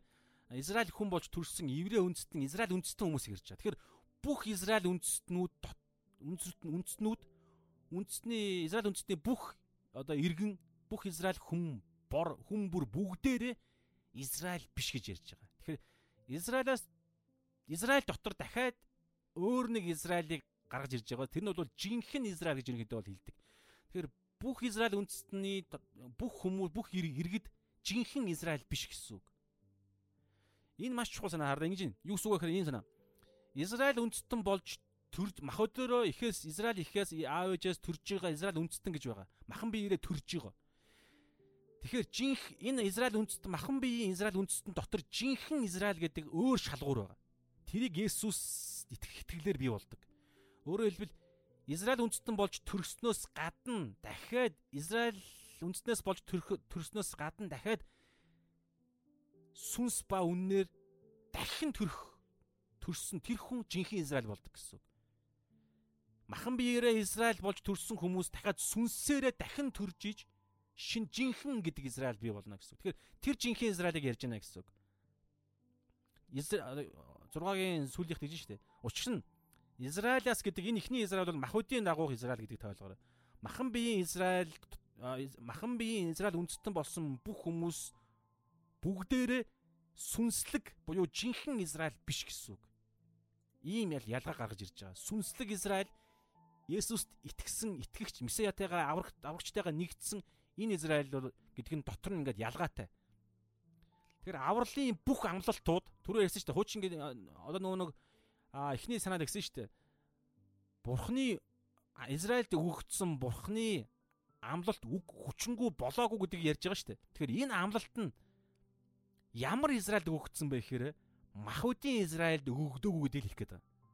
Махуудын дагуу Израиль үндэстэнд өгөгдсөн амлалт биш. Жинхэнэ Израильд өгөгдсөн амлалт. Жинхэнэ Израиль. Тэгэхээр Израильтай хамааралтай бүх амлалтгүй эхлэл 12 дээр хэлсэн шүү дээ. Нэгээс 3 дээр нөгөө нэг газар нутаг агуу үндэстэн ерөөл Энэ бүгд Израиль дотор байгаа сүнсээр дахин төрсэн Есүс итгэсэн жинхэнэ Израильчуудад энэ нь хамааралтай гэсэн үг. Тэгэхээр энэ жинхэнэ Израиль гэдэг дээр бид нар ч гэсэн Авраамийн үр үдэн болсон гэж ярьдаг шүү дээ. Гэхдээ Авраамийн үр үдэн болох дотор махуудын дагуух Авраамийн үр үдэн гэдэг дээр бас тэр ялгаа бол хിവэрэ байгаа гэдгийг та бас ойлгоорой. Тэрийг одоо цааш нь бид нар ингээд энэ гурван бүлгийг үзэхдээ цөмөр ихэд үзэх юм шүү. Дамаа 11 дээр гарах санагдаж байна. За тэгэхээр энэ саяны ярьсан энэ ойлголт Израилаас байгаа нь бүгд Израиль биш гэдэг энэ ойлголт өнөө цагт ч гэсэн маш чухал одоо хамаарал байгаа. За нэгдүгээрт түрүү хэлсэн. Израиль үндэстэн хүн бүр махан биеийн Израиль хууль те одоо иргэний Израиль үндэстэн хүн болгон жинхэнэ итгэгч Есүсийн Есүс итгэгч Христч Израиль биш байдаг. Энэ дотор нь ингээд бүгд биш байгаа гэсэн. Зарим нь итгэдэггүй. Хоёрдугаар өнөө цагт хэрэгжүүлж байгаа хоёр дахь хэмжээс нь юу гэхээр чуулган харь үндэстнүүд болсон одоо жишээ Монгол чуулган Монгол чуулганы харагдах одоо ингэж ерөнхийдөө бол систем теологоор ийм ярьдаг. Чуулган гэж ярихаар хоёр чуулганы хэмжигдэхүүн ярьдаг. Чанар яригддаг. Нэгдүгээрт үл үзэгдэх чуулган, хоёрдугаарт үзэгдэх чуулган гэж ярьдаг. Үл үзэгдэх чуулган гэдэг бол сүнслэг Тэнгэрийн улсын харьяатай сүнслэг чуулган ярьдаг. Тэгээ энэ чуулган бол бурхан тэр чуулганыг одоо бурханы нүдэнд харагдах одоо төлөв байдлыг ярьж байгаа. Бурхан тэр чуулганаа бүгдийг одоо хараад мэдж байгаа гэсэн. Тэгээ бурханы нүдэнд харагддаг чуулган гэж байгаа. Хоёрдугаарх нь үзэгдэх, харагдах чуулган гэж байгаа. Тэр нь хүний нүдэнд харагдах тэр хэмжигдэхүүнээр ирж байгаа. Тэгээ энэ нь бол харагдах чуулган дотор бай явдаг, хамаарагддаг бүх итгэгч нар бүгдээрээ жинхэнэ итгэгч бас байдаггүй гэдгийг Библи давтан давтан хэлдэг. Тэгээ энэ санаа яг энтэйгээ адилхан. Түрүүнээс шүү дээ. Израилаас төрсэн бүгд жинхэнэ Израиль биш гэдэгтэй адилхан. Есүсийн чуулган гэгдэж байгаа чуулган харагдах чуулган ярьж байгаа шүү харагдах нүдэнд харагдах нь одоо жишээ нь альфа гэдэг цуглаан байлаж бодоход альфа цуглаан 20 үнэтэй гэхэд тэр 20 хүн 20 гишүүнтэй гэж нэрлэгдэж байгаа энэ цуглааныг ярьж байгаа. Тийм газар байрладаг тэдэн одоо тэ цонхтой байшинтай тийм тийм одоо зохион байгуулалтыг харагдахын чуулган ярьж байгаа. Энэ чуулган дотор байгаа бүх хүмүүс бүгд жинхэнэ итгэгч нар байдаггүй гэдгийг ярьдаг. Яг нөгөө түрүүний зарчимтайгаа адилхан. За хоёр дахь нь бол наад зүгээр гурав дахь нь бол наад зүгээр бодогдсон энэ хувьд маань. Жишээ нь Монгол улс ч гэсэн миний бодлоор одоо сүүлийн болж байгаа үйл явдалтай ер нь байнгын улс төрийн болж байгаа үйл явдалтай хамааралтай зарчим зарчим нь бас адилхан үнэн Монгол улс төр ч гэсэн хэрэгжиж байгаа. Жишээ нь Монгол улсын иргэн гэж байгаа. Монгол улсын иргэн хүн бүр Монгол хүн мөн үү? Мөн. Нэг талаараа мөн. Гэтэл жинхэнэ Монгол хүн гэдэг энэ санаа ярихаар иргэний иргэний үнэмлэхтэй хүн болгон жинхэнэ монгол хүн байдаггүй. Та энийг юу хэлж байгаа маш сайн ойлгож байгаа гэж бодож байна. Тагнуулч нар, хулгайч нар Монголын эсрэг дайсан мөртлөө Монголын иргэний үнэлттэй хүмүүс зөндөө байгаа. Тийм учраас жинхэнэ монгол хүн гэдэг дуу өртөөтэй. Би жинхэнэ монгол бэлэг тангаа хөдөөний хүн гэ. Тэгэхээр тэр хөдөө мөдөөнд шалгаа авахгүй, хоттой хамаа авахгүй. Гол нь жинхэнэ монгол гэдэг санаа байгаа. Тэгэхээр тэр монгол чи юу юм? Монголынхоо эрх ашиг, Монголынхоо ёс заншил, Монголынхоо яг шашнаар юусоо орохгүй шүү. Ягаад тэгэхээр Монголын үндэсний шашин гэдэг ойлголт ерөөсөө амар утгагүй ойлголт шүү дээ. Ингээд өөрчлөгдөж явж байгаа. Тэгэхээр яг Монгол хүний эрх ашигын төлөө гэдэг санаа ярих гэдэг байгаа байхгүй юу? Яг Монгол хүний сайн сайхны төлөө ажиллаж амьдарч зүрхэн цохилдог хүн болвол жинхэнэ Монгол хүн гэж бодож байгаа ерөөхдөө бол. Тэр утгаараа гадаад хүн ч гэсэн жинхэнэ Монгол хүнтэй хүний зүрхтэй хүн байх ч боломжтой шүү дээ. Яг Монгол улсын иргэн иргэний араал байхгүй ч гэсэн Монгол хүний төлөө амьдарч амьдж ажиллаж бүх юмаа зориулж байгаа хүн байлаа гэж бодод. Тэгтэл тийм хүн бол Монгол улсын иргэний үнэмшигтэй мөртлөө Монголоо зарж идж байгаа тэр балиар муухай хүнээс хамаагүй илүү миний бодлоор жинхэнэ монгол хүн гэж бодож чинь. Чанар нь яг ихэд бол адилхан. За гих мэтчин санаа бодогдож байгаа. За 3 дугаар хэсэг нь өнөөдрийн бидний нэлээд цаг авч юу олон ишлэг авж байгаа хэсэг. Тэрний юу гэхээр түрүүн бид нар ийм хоёр зүйлийг үзчихлээ шүү дээ. Эхнийх нь Израиль өгөгдсөн ерөөл одоо ч гэсэн хിവэрэ гэдгийг бичээсийн олон хэсгээр Паул баталж байна. Тэрийг бид нар ингээд дурдсан. Бичээсээр баталж байгаа. Бичээс нь үнийг баталгаа гэдэг ярьсан. Хоёрдугаарт нь энэ амлалт нь одоо хിവэрэ байгаа гэдгээ тодруулж байгаа. Тодруулах шаардлага гарч ирсэн. Яагаад вэ гэхээр яаж яагаад юу гэж тодруулж байгаа вэ гэхээр энэ амлалт нь махуудын дагуу Израиль хүн болгонд өгөгдсөн амлалт биш ээ. Энэ нь Израиль дотор байгаа жинхэнэ Израильд өгөгдсөн амлалт. Тийм учраас жинхэнэ Израильд өгөгдсөн амлалт одоо ч хിവэрэ одоо ч ивэл ирүүлээ авсаар байгаа израилчууд байгаа. Итгэгч израилчуудыг ярьж байгаа. Тэгэхээр тэр утгаараа ирээдүйд ч гэсэн тэр нь бодтой Тэ ивэл ивэл ах зөндөө олон амлалтууд бас Израильд хамааралтай амлалт гэсэн байгаа. Тэр утгаар тодруулж байгаа нь Израиль дотор байгаа жинхэнэ израильчуудад энэ амлалт нь өгөгдсөн шүү гэдгийг бисээ тодруулсан бид нар үзлээ. 3 дугаарт ингээд зогсохгүй. Яг энэ санаа энэ санааг 7-оос 13 дугаар ишлэлээр Паул бичээсийн хоёр жишээгээр жишээ татан байж дахин баталж байгаа Паул. Бүр давтан давтан баталж байгаа. Ямар санааг баталж байгааг төрүүлсэн шүү дээ. Израильд өгөгдсөн амлалт нь нэгдүгээр хэвээрээ байгаа гэдэг үздэн. Хоёрдугаарт хэвээрээ байгаа боловч яг Махбодийн Израилийн Израиль гэдэг бүх хүмүүст хамааралгүй. Израиль дотор байгаа яг сонгогдсон жинхэнэ Есүсийг сонгосон жинхэнэ Израильд энэ амлалт нь хамаатай гэдгийг үзсэн хоёрдугаарт. Одоо гуравдугаарт нь сүлд нь жинхэнэ Израильд энэ амлалт нь хамаатай байсан гэдг нь анханасаа яг ийм байсан гэдгийг одоо бүгд хоёр жишээгээр баталж харах гэж байна зөвхөн одоо тэгээ одоо амлалт нь ингээ биелэхгүй Есүсээс хойшоо Есүсийг ирсэн чинь Израиль Есүс Израиль үндэстнэр Есүс итгээгүй учраас дараагаар нэг хойно нь тайлбар хийж байгаа тийм тайлбар биш. Нэг юм одоо жишээ нь ингээ те нэг зүйл ингээд болсны дараагаар нь өө би мэдчихсэн юмаа гэж нэг ярьдаг хэллэг байдаг шүү дээ. Яг мэдчихсэн бол анханасаа тэрийг хэлээгүй. Анханасаа урдчлаад мэдсэн мэдлэгээ ашиглаад асуудлыг шийтгэхэд юусоо хэрэглээгүй мөртлөө асуудал ингээд болоод би болсон дараагаар зарим хүмүүс би яг мэдчихсэн ингээд нэг ярьдаг хэллэг байдаг. Яг энтэй ер нь адилхан байдлаар ингэж хэлсэн одоо жинхэнэ израилчуудад л хамааралтай амлалт байсан юм аа. Тийм учраас Есүс итгэсэн хүмүүсийн амралт амлалт нь хамааралтай, итгээгүй израилчуудад Израильд өгөгдсөн амлалт нь хамаатай биш ээ гэдэг нэг юм дараа нэг юм аргачлаасан маягийн ийм тайлбар биш гэдгийг одоо батгаж байна гэсэн үг. Анханасаа Авраам бүр анханасаа Израиль үндэстэнд дөнгөж бий болж их үед л яг энэ зарчим одоо Израилийн үндэстэн дотор байгаа зарим нь буюу жинхэнэ Израиль гэдэг хүмүүст л энэ амлалт нь өгөгдсөн юм а гэдгийг бүр анханасаа яг ингэж явж исэн гэдгийг одоо бүгдээр баталж байгааг харъя. Энэ маш чухал шүү. Ингэж яриад ингэж үдж байгаа үр дагаварт нь ямар ойлголт бий болох вэ гэхээр зарим хүмүүс ингээд одоо жишээ нь бурхан бол хүч чад бурхан бол хүчтэй мөртлөө ингээд тэр нь биелэхгүй харахаараа ингээд те бурхан хүчгүй байж тээ эсвэл бурхан байдгүй юм байж тээ юм эсвэл таны бидний амьдралд асар олон амлалтад өгөгдөг. Гэтэл тэр амлалт нь биелэхгүй болохоор амлалт нь худлаа юм байна. Эсвэл бол би сайн итгэхгүй байгаа учраас миний надад энэ амлалт нь биелэхгүй байна мэн гэдэг нэг янз янзын ойлголтууд гарч ирдэг. Биднээс хамааралтай. Гэтэл ийм биш. Анханасаа Бурхны тавьсан тогтолцоо гэж байгаа. Тэр тогтолцооны дагуу явж байгаа. Тэр тогтолцоог нь ойлгвол та өө биелэхгүй байна. Өө миний амьдралд Бурхан юм хийхгүй нэг юм сул дорой биш. Харин яг цаг нь болохоор биелэх юм байна. Харин биелээгүй тохиолдолд нь ийм утга учиртай юм байна гэдгийг зөмөрөө одоо энэ ертөнцийн авралын түүх нь хүн төрөлхтний түүхийн давцсан дээр өнөөдөр ч гэсэн энэ одоо энэ энэ 21-р зууны энэ дэлхийн олон интернэшнл чуулган дотор дотроос бид нар харах юм харж чадна гэсэн. Тэгэхээр Авраамийн одоо жишээ байна. Бас Исаакийн жишээ байгаа. Долоогоос бүгдээр уншия. Тэр хоёр жишээг татж байгаа. Хоёр жишээг татж байгаа.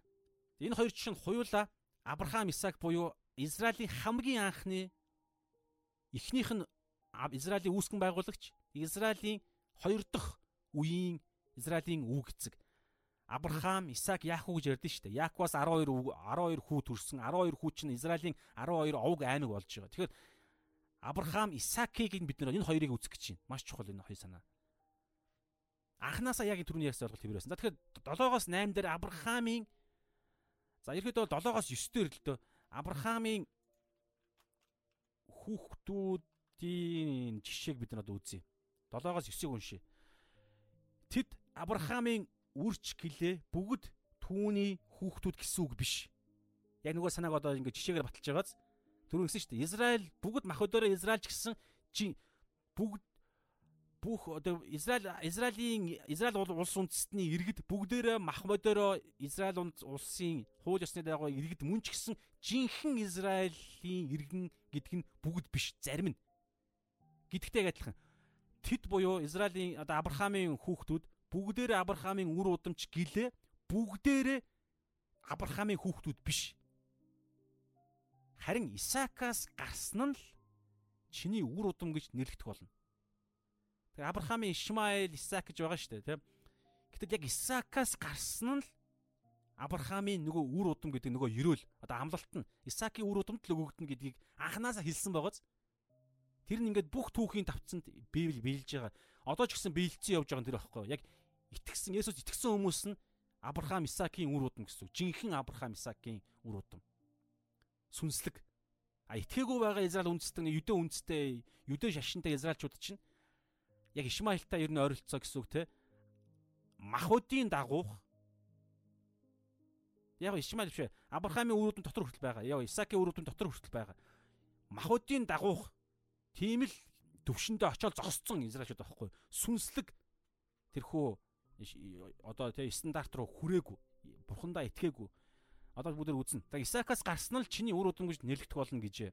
Махуудын хүүхдүүд нь бурхны хүүхдүүд биш гэж байгааз. Харин амлалтын хүүхдүүд нь үр гэж тооцогдсон.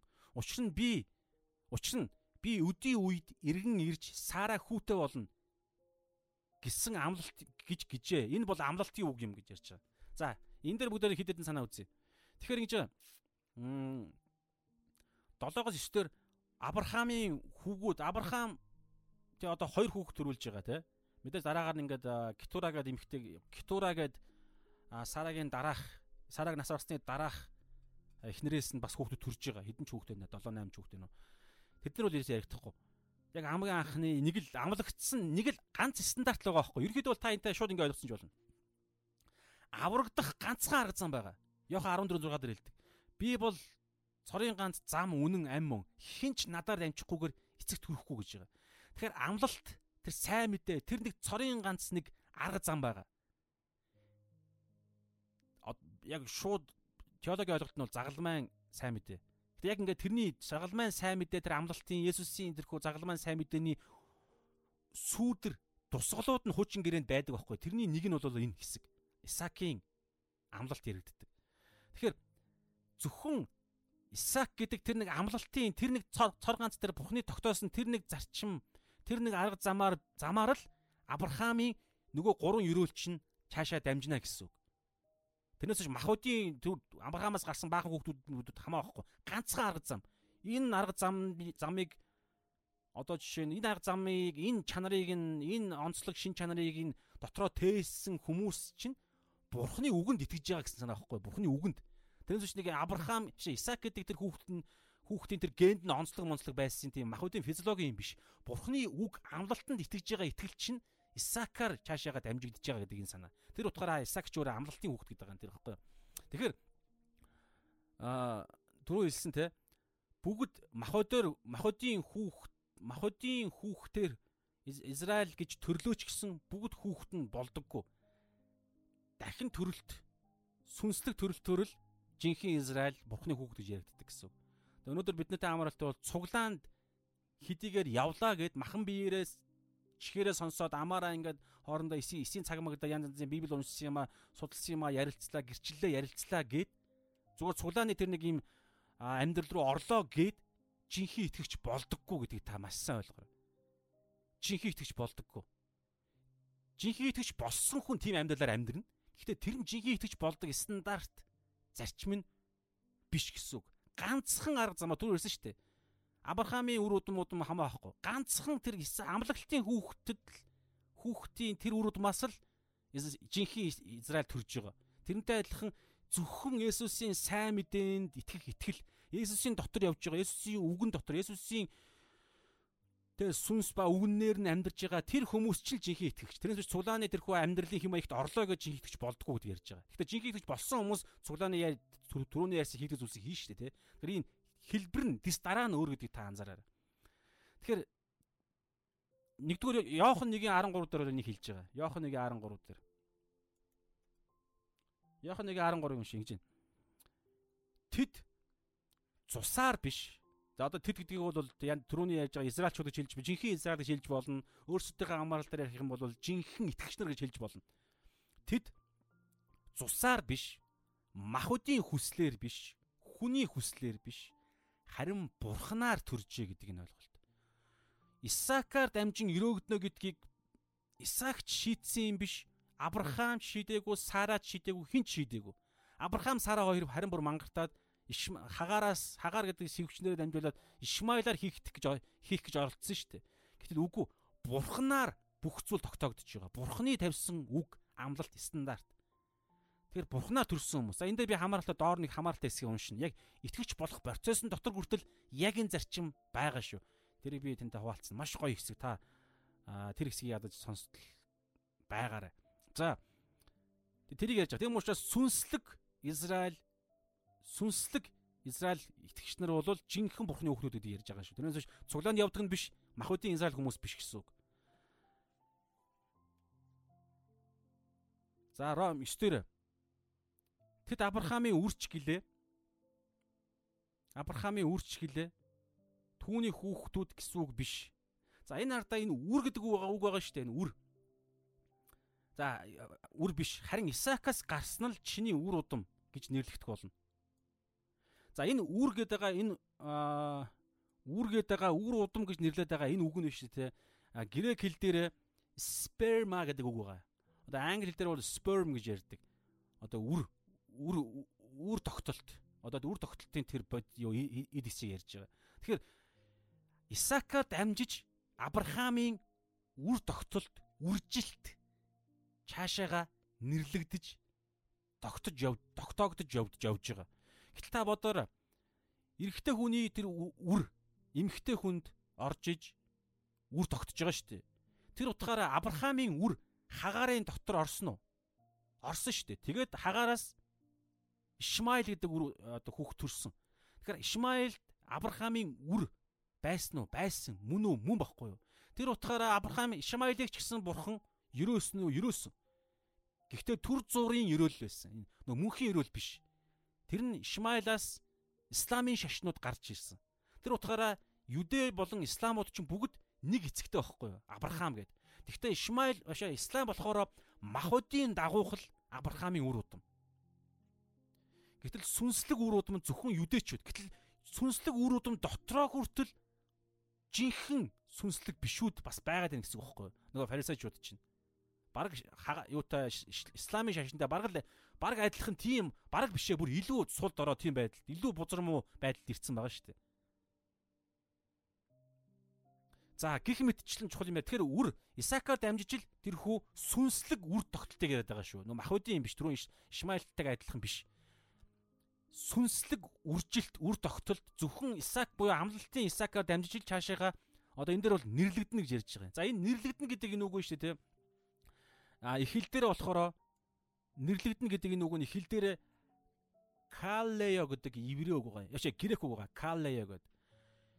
Энэ шүү дээ, энэ 9 дугаар бүлэг дээр дараах ишлэлүүдэд яг адилхан үг байгаа. 11 дугаар ишлэл, 24 дугаар ишлэл, 25, 26 энэ одоо энэ 8 7 дугаар ишлэлд байгаа энэ үг. Тэгтэл энэ нэг үг шүү дээ янз янз орчуулж байгаа шүү дээ. Тэгтэл бусад ишлэлүүдээр өөрөөр орчуулагдаж байгаа. Одоо энэ дээр болохоор Исакаас гарсан л чиний үр удам гэж нэрлэгдэн Калаё гэдэг энэ грек үг 11 дээр хүүхдүүдийг хараахан төрөөгүй ямар ч муу зүйл үлдээгөө байхад нь бурхны сонголт нь сонголтын зорилго нь үүсэл бас харин дуудагч гэдэг энэ үг нөгөө адилхан үг Калаё дуудлагын улмаас Тэгэхээр Исакаас Исака дамжуулан үр удам нь нэрлэгдэнэ гэдгийн оронд бас цаана жинхэнэ утга нь Исаакаар дамжуулан Авраамийн сүнслэг үр удам дуудагдана. Дуудлага авна гэсэн энэ санаа. Нэрлэгдэн, тооцогдно, дуудлага авна, дуудагдах болно гэдэг энэ санаа. Яагаад дуудагдах гэдгийг онцлоход байгаа гэхээр теологийн маш чухал нийт томьёо энд хамааралт хамааралтайгаар орж ирдэг учраас энд орж ирж байгаа. Бидний одоо ихтгэл дэрдэг амьдралтай ихтгэл дэрж байгаа үйл явц дотор энэ үг нэрлэгдэх биш дуудлагдах. Гэхдээ ер нь ангиж штеп. Call гэдэг энэ одоо англи үг хэлэн дээр хүртэл call гэдэг чинь дуудах бас нэрлэх штэ. Тэ нэрлэх гэдэг. What do what do they call you? Хүмүүс чамайг юу гэж нэрлдэг вэ? Юу гэж дууддаг вэ гэж хэлэхэд хүн өөрийнхөө нэрийг л хэлнэ штэ. Юу гэж чамайг дууддیں۔ Аа намайг инх тайван гэж дууддаг гэдэгтэй ойролцоо гэсэн. Тэгэхээр яг энтэй адилхан грек хэл дээр ийм санаа салаа юу үг нь гарч ирж байгаа. Тэгэнгүүтлээ 24 дээр жишээ нь Аа 24. Юдэчүүдийг юдэчүүдээс ч төдийгүй мөн харийнхнаас ч бас өөрийн дуудсан гэж байгааз нөгөө үг чинь Калая гэдэг грек үг. өөрийн дуудсан бидэнд хүртэл алдрынхаа баялагийг мэдүүлэх юм а. Юдэчүүдээс буюу Израильчуудаас төдийгүй мөн харийнхнаас монголчуудаас ч гэсэн бурхан өөрийн буюу бурханы дуудсан итгэгч нар биднэрт алдрынхаа баялагийг мэдүүлэх зорилго инэрэгдэж байна. Тэгэхээр дуудлага гэдэг үг. Шаашаага ингээд ингээд 24 25 дээр 26 дээр бүгдэн дээр нь байгаа. За энэний гол санаа нь хардаа энд 20 Ром 8 дээр байгаа байхгүй юу?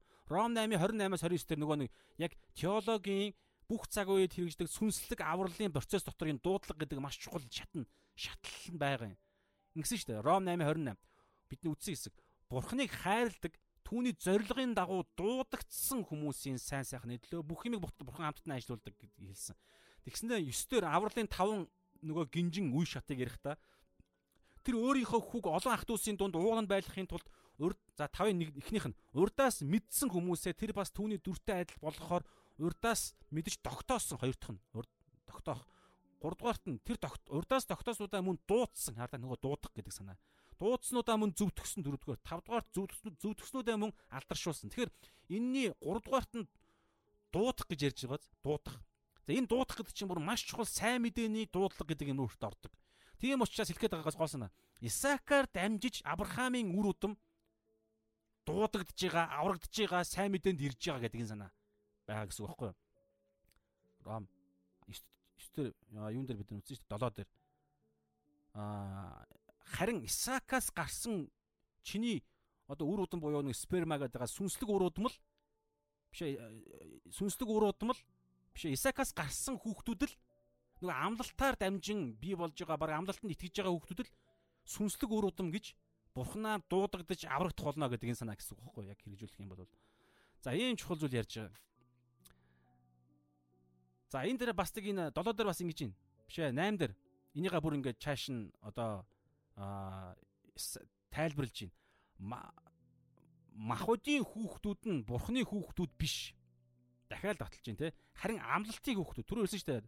7 дээр болохоор Исаакаар гарсан л гэж ярьсан. Гэтэл одоо Исаака чааш нь дэлгэрүүлж байна. Яагаад Исаакийг онцлоод байгаа вэ гэхээр Исаак нь амлалтын хүүхдүүд юм аа. Махуудын хүүхдүүд биш. Зүгээр энгийн нэг тийм одоо тэ хүний ойлголт, хүний хүний байгалийн жамаар бий болдог хүүхд биш. Харин бурхны сүнслэг арга замаар бий болдог амлалтын хүүхдүүд нь л тэгээ бурхны хүүхдүүд Авраамийн жинхэнэ Израильчууд гэж тооцогдно гэж одоо 7 дээр болохоор нэрлэгдэх дуудагдах гэсэн бол 8 дээр тооцогдох гэж ярьж байгаа. За энэ дээр хүртэл маш чухал санаа байгаа. Тооцогдох гэдэг энэ үг нь грек хэлээр логизмай гэдэг үг байдаг. Логизмай гэдэг. Энэ маш чухал санаа байгаа. Амлалт Исаак болохоор амлалтын хүүхэд. Тэгэхээр амлалтанд итгэх үед итгэсэн хүнд бурхан нэг зүйлийг тооцоолж данс руу нь хийдэг гэдэг санаа бид нар Ромын бүр ихэн дээр үтсэн шүү дээ. 3 дээр ч юм да. Ром 3 дээр үтсэн. Логизмыг тайлбарлсан хэсэг байна.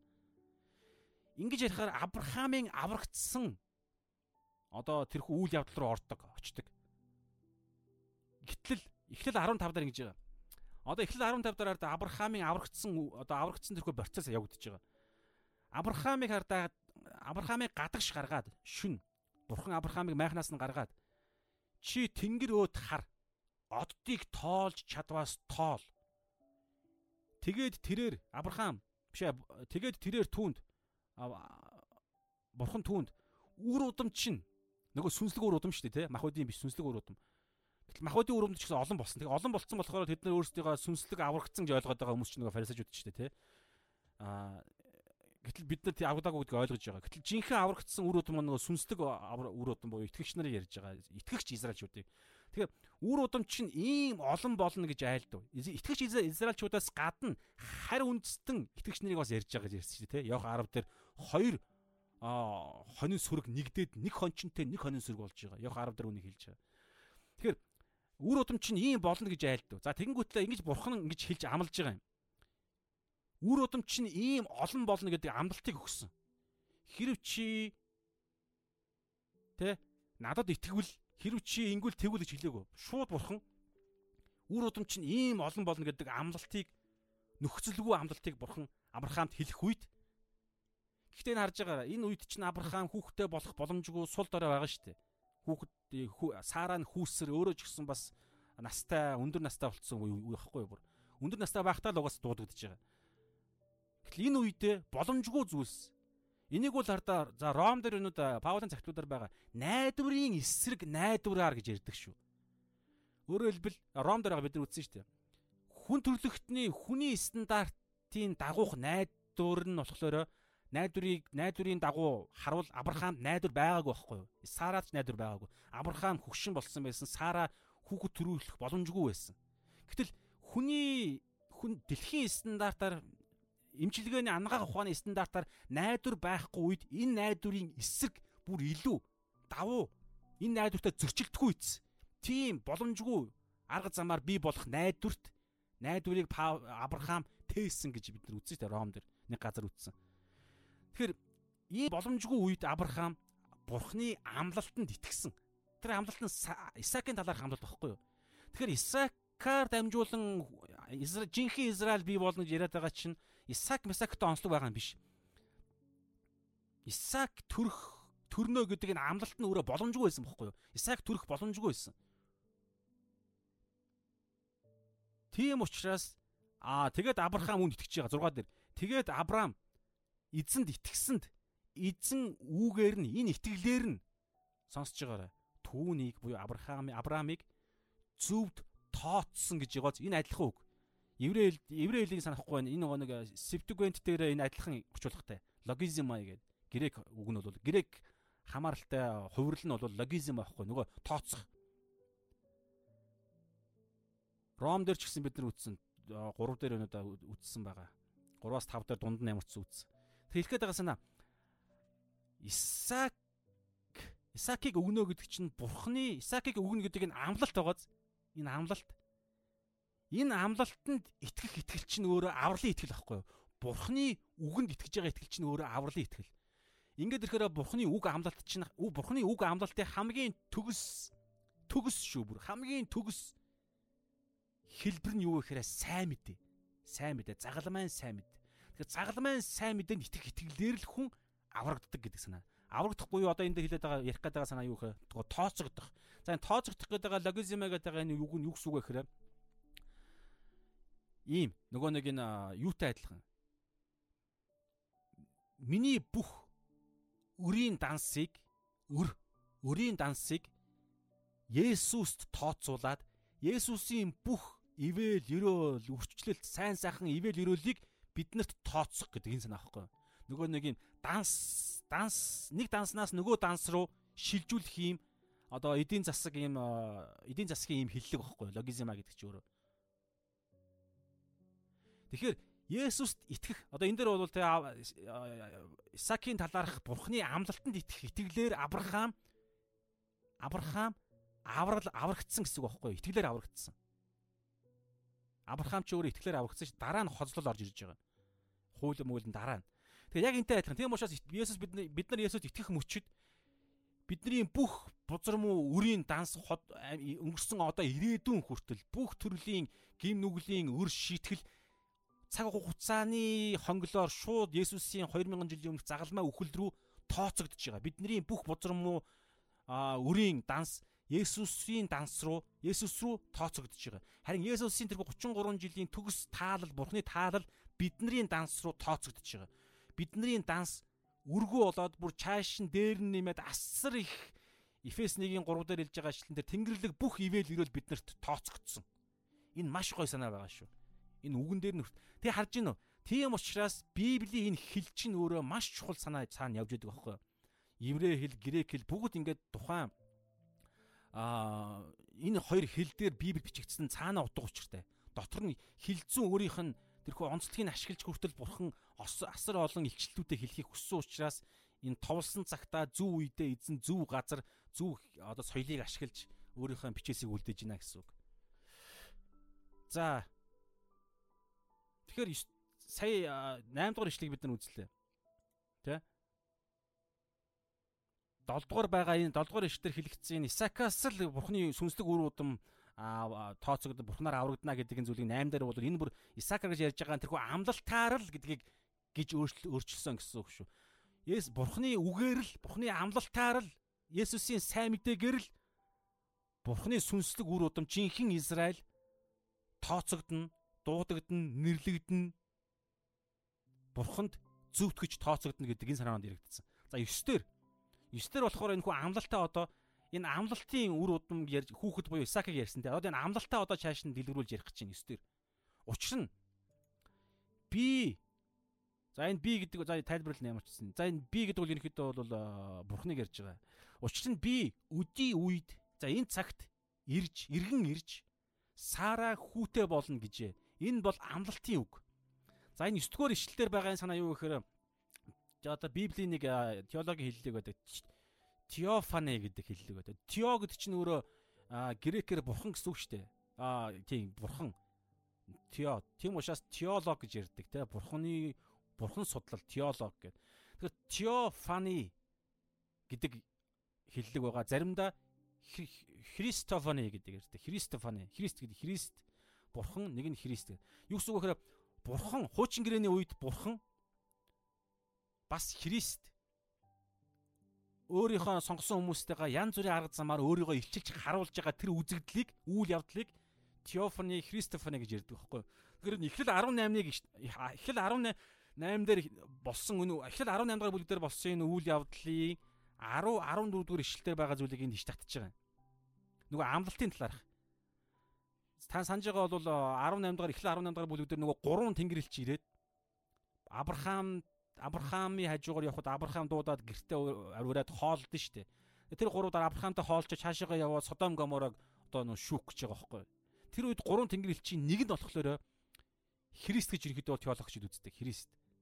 Нэг нь эзний тэнгэрлэгч, нөгөө хоёр нь зүгээр энгийн тэнгэрлэгч. Нэг нь болохоор эзний тэнгэрлэгч гэдэг бүр тийм онцгой илэрхийлэл байгаа. Нэг нь Христ. Тэгээд Христ болохоор энд ярихдаа юу гэж ярьж байгаа гэхээр за Христ ч бурханч бай энд үд ирэх жилийн үдээд би эргэж ирээд Сара хүүтэй болно гэж ярьж байгаа. Өөрөөр хэлбэл энд ямар чухал санаа ярьдаг вэ гэхээр Сара Авраам хоёр байгалийнхаа ном журмаараа жам ёссны тэрхүү тогтолцоогоор хүүхдэд болох боломжгүй байтал бурхан хөнлөнгөөс оролцож бурхан өөрөө ирээд өөрөө амлаж өөрөө тэрхүү гайхамшигыг махан биеинд нь хийснээрээ Исаак төрж байгаа. Тэгээд би өдийд иргэн ирж ирнэ. Сара хүүтэй болно гэдэг нь. Энэ болохоор бүр гарцаагүй биелэх бурхны амлалт байгаа. Гарцаагүй биелэх амлалт. Энэ амлалтыг амлалтаа бурхан биелүүлэхдээ бурхан өөрөө үүнийг хийж байгаа. Хөндлөнгөөс оролцож. Тийм учраас Авраам Сара хоёр итгэдэггүй шүү дээ. Инээж минийгээд.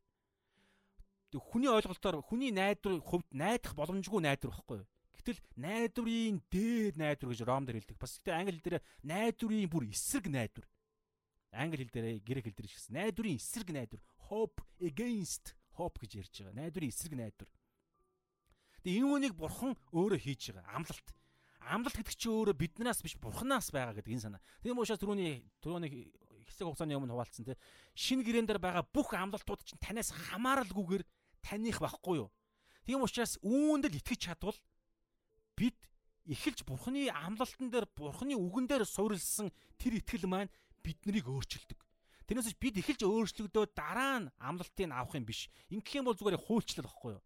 Израильчуудын түүхэнд энийг үүнийг хийж чадаагүй шүү дээ. Дэд хул 20 хэдрэнд 28 лөө 23 дээр байдаг нөгөө нэг хараал ирүүлийн бүлэг байгаа шүү дээ. Дуулууртай байвал өрөөгдөн дуулуургүй байвал хараагдана. Яг энэ зарчмаар бол хүн бурхны амлалтыг авч чадахгүй байхгүй юу? Тийм учраас бурхны үнгүү өгсөн бурхан өөрөө л 100% хийх ажилд нь итгэл юм бол тэр амлалт минийх болдог гэдэг энэ санаа. Тэгэхээр ингэж итгэсэн бүх итгэгч нар чинь бид нар шүү дээ. Тийм учраас бид итгэж чадахгүй байхад хараа ийм шүү. Жинхэнэ итгэгч болсон хүн мөн л бол энэ ихтэй маш том хэрүү гэдэг нөхцөл шүү. Яг том гэж байгаа боловч маш амархан. Есүс Есүсийг аврагчаа эзнээ болгож итгэж гэхдээ жинхнээсээ гимшиж жинхнээсээ итгэж амаараа та бол миний амьдралыг эзэн гэж тунхаглаж тунхагласан л бол энэ шийдвэрийг гаргасан л бол тэр хүн жинхэнэ итгэж болсон гэсэн. Тэгэхээр жинхэнэ итгэж болсон мөртлөө оюун санаа шинжлэгдээгүйгээсээ болоод Бурхны амлалтанд итгэхгүй тохиолдол байгаа штэ. Тийм тохиолдол биш те. Энэ итгэлгүй байдлыг давж Бурхны амлалт биелдэг. Тэгээ жинхэнэ итгэж болсон л бол шүү хамгийн гол нь. биелдэг. Гэхдээ тэр нь хугацаанд харин хэр удаашрах үгүй юу гэдэг нь бол биднээс шалтгаалж байгаа. Тэм учраас л оюун санаагаа шинжил шинжлэх хэр хэдийн хэмжээний хүн оюун санаагаа шинжилэн төдий хэмжээний сүнслэг ертөнцид аль хэзээ өгчихсөн байгаа ивэл ирвэл махуудын бодит ертөнцийн хурдан гарч ирж бид ивэл ирүүлээ хамтлана гэсэн үг шүү дээ. Тийм учраас л энэ библи судлал үгээрээ сүнсээрээ өсөх нь маш чухал байгаад байгаа. Тийм учраас энэ гарцаагүй биелэх амлалтыг бурхан өөрөө хөндлөнгөөс оролцож аа Исаак гэдэг энэ гайхалтай үрийг гайхалтай амлалтаа ерөөлөө бурхан амлсан. За энэ Исаакийн энэ хөндлөнгөөс оролцох гэдэг энэ Исаак одоо төрөх энэ амлалт нь гурван химжигдэхүүн, гурван химжигт одоо үе шат, гурван химжигдэхүүнээр төлөвт бас энэ хэрэгждэг. Нэг нь бол шууд утгаа түрүүн Сара Сарагийн Сарад өгөгд Иса өгөгдөж байгаа Исаак гэдэг тэр хүүхдийн ерөөл нь Бурхны хөндлөнгөөс оролцож оролцох арга замаар Сара Исаак гэдэг хүүтэй болсон. Ерөөл ерөөлийг хүлээж авсан. Яг үнтэй адилхан Есүсийн их Мария бас хүүхэд гарах боломжгүй байсан. Ягаад тэгэхээр онгон эмхтэй. Гэтэл бас Бурхны хөндлөнгөөс оролцох арга замаар ариун сүнсээр Есүс төрж байгаа. Тийм учраас Эхлэл 3-ын 15 дээр энэ эмэгтэй үр сатаныг ялах болно гэдэг энэ зүйлийг ярихад эмэгтэй үр гэдэг энэ үг маш онцгой одоо хиллэг гэж үздэг. Ягаад гэхээр эмэгтэй хүний үр гэдэг ойлголт байдаггүй байхгүй юу? Одоо анага анага анагаах ухаанд ч гэсэн байхгүй. Ир хүнээс л үр үрийн шингэн тэр үр тогтолт эмэгтэйн дотор орж тэр хүүхэд төрдөг бий болдог. Эмэгтэй хүн дангаараа хүүхэд гаргана гэдэг ойлголт байхгүй. Үр эмэгтэй хүний үр гэдэг юм шинжлэх ухаанд байхгүй байхгүй. Эрэгтэй хүний үр гэдэг юм яригдана. Нөгөө сперма гэдэг грек үг чинь өөрөө. Гэтэл Эхлэл 3:15 дээр энэ эмэгтэйн үр гэж ярьж байгаа.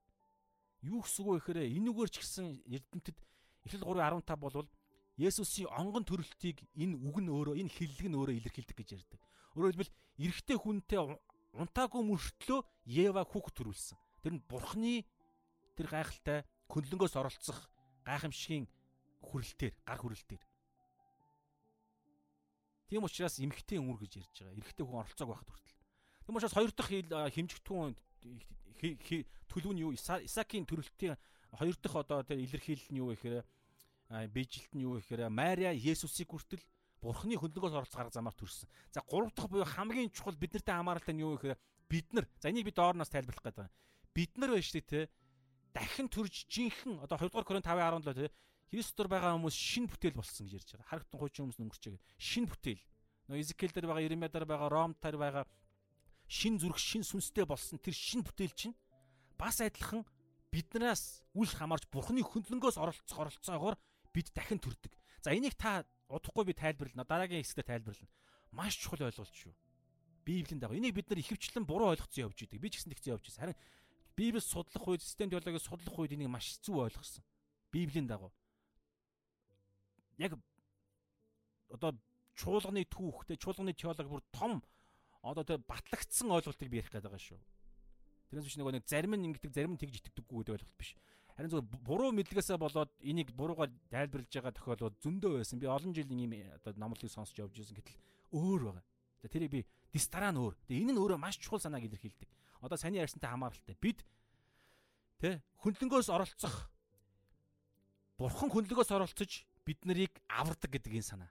За бид доор нь хамааралтайг нь хуваалцъя. За баг тэр луг одоо орох гэж байна. Тэр нь юу гэхээр 10-аас 13 дээр Ром За сүүлийн санаа юм байна. Ром 9-ийнхоо 10-аас 13 дээр хоёр дахь нөгөө жишээ Исаакийн талаарх одоо ярьж эхлэх гэж байна. Сая Авраамыг яриад дууслаа штэ. Тэгсэнгүүтээ хоёр дахь бүр дахиад нэг жишээ гаргаж ирж байна зөвхөн энч биш. Зөвхөн Авраамаар дамжуулан Авраам Исаак Авраамаар дамжуулан Исаак төрөхдөө тэр Исаак нь ямар гайхамшигтай амлалтаар төрсөн бэ? Тэр амлалтын үр удам нь л жинхэнэ үр удам Бурхны хүүхдүүд жинхэнэ Израиль гэж нэрлэгдэх болно гэдгийг сая батлаа дууссан. Одоо зөвхөн энч биш гэд дараагийн жишээ. Исаакийн үр удмыг ярьж эхлэх гэж байна. Риб Исаакийн эхнэр буюу Ребека. Ребека бас бидний эцэг Исаак хэмээх нэгэн ирээс хөл хүндтэй болж ихэр хүүхдэд төрүүлж байгаа. Болсон хүүхдүүдийг нь ихэр хоёр хүүхд байгаа та Исаак а Яаков ах нь Исав хүүх дүүн Яаков хүүхдүүдийг хараахан төрөөгүй байхад ямар ч сайн муу зүйл үйлдэггүй байхад нь Бурхны сонголтын зорилго нь үйлсээр бус харин дуудагчийн улмаас байхын тулд том нь багдаа зарслагдана гэж ихт нь айлджээ. За та нэг зүйлийг та эргээд санаарай. Бид нар өнөөдрийн 6-аас 13 дээр нэг санаа нэг санааг үзээд явж байгаа шүү. Нэг асуултанд хариулж байгаа. Тэрний юу вэ?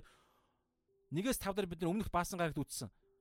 Израильчууд Махуудын дагуу нөгөө 8 давуу эрэхтэй давуу эрхийг хүлээж авсан Израильчууд Махуудын Израильчууд эзэн бурхандаа итгэхгүй мөнхийн бурхны хараалыг хүртсэн ийм төлөв байдал одоо ч гэсэн байгаа. Паулын үед тийм байсан. Тийм болохоор Паул Махуудын хамаатан болох Израильчууд маань аврагддаг гэсэн болоосоо хэрвээ их боломж байвал би тэдний оронд Бурхны мөнхийн хараал болоход бэлэн байна гэж энэ хайр нь илэрхийлэгдсэн. Өөрөөр хэлбэл Израильчууд аврагдаагүй харанхуйд Бурханаас татгалцсан төлөв байдалд байгаа гэдгийг бид үзсэн. Нэгээс тав дээр. Харин 6-аас асуулт гарч ирж байгаа. Тэгвэл Израильчуудад өгөгдсөн хуучин гэрээний олон амлалтууд Бурхан Израилийг ерөөнө гэдэг амлалт эхлэлийн 12 дээр нөгөө гурван ерөөл мөрөөл. Энэ ерөөл биелэхгүй штэ гэж асууж магадгүй. Учираас Паул энэ ерөөл нь амлалт нь Израильд өгөгдсөн амлалт нь биелэхгүй гэсэн үг бишээ. Биелнэ гэдгийг ярихдаа тайлбарлаж явж штэ. Одоо барыг би төсгөлийнхаа нүгэлтийг хийж явах шүү шүү. Тэгэхээр дахиад нэг чухал хэсэг орно. Тэгээ ингэж биелнэ гэдгийг амлахдаа бурхан биш Авраам Паул энэ гарцаагүй биелнэ гэдгээ тодруулж ярихдаа Израильчууд дотор жинхэнэ Израильчууд гэж байгаа. За жинхэнэ Израиль нь түр үүссэн амлалтын хүүгээс төрөх буюу Исаакаас төрж байгаа үр удам л Бурхны амлалтанд итгэх арга замаар л жинхэнэ Израиль бий болно. Энэ жинхэнэ Израильд л хуучин гэрээний нөгөө бүх амлалтууд чинь хамаарж байгаа. Тэрнээс биш Бурхны амлалтын үгэнд итгэдэггүй Израильчууд гэгдэж байгаа махуудын Израильчууд нь жинхэнэ Израиль бишээ гэдгийг яриасаа яриад дуусч байгаа юм хэд бол ярьж байгаа.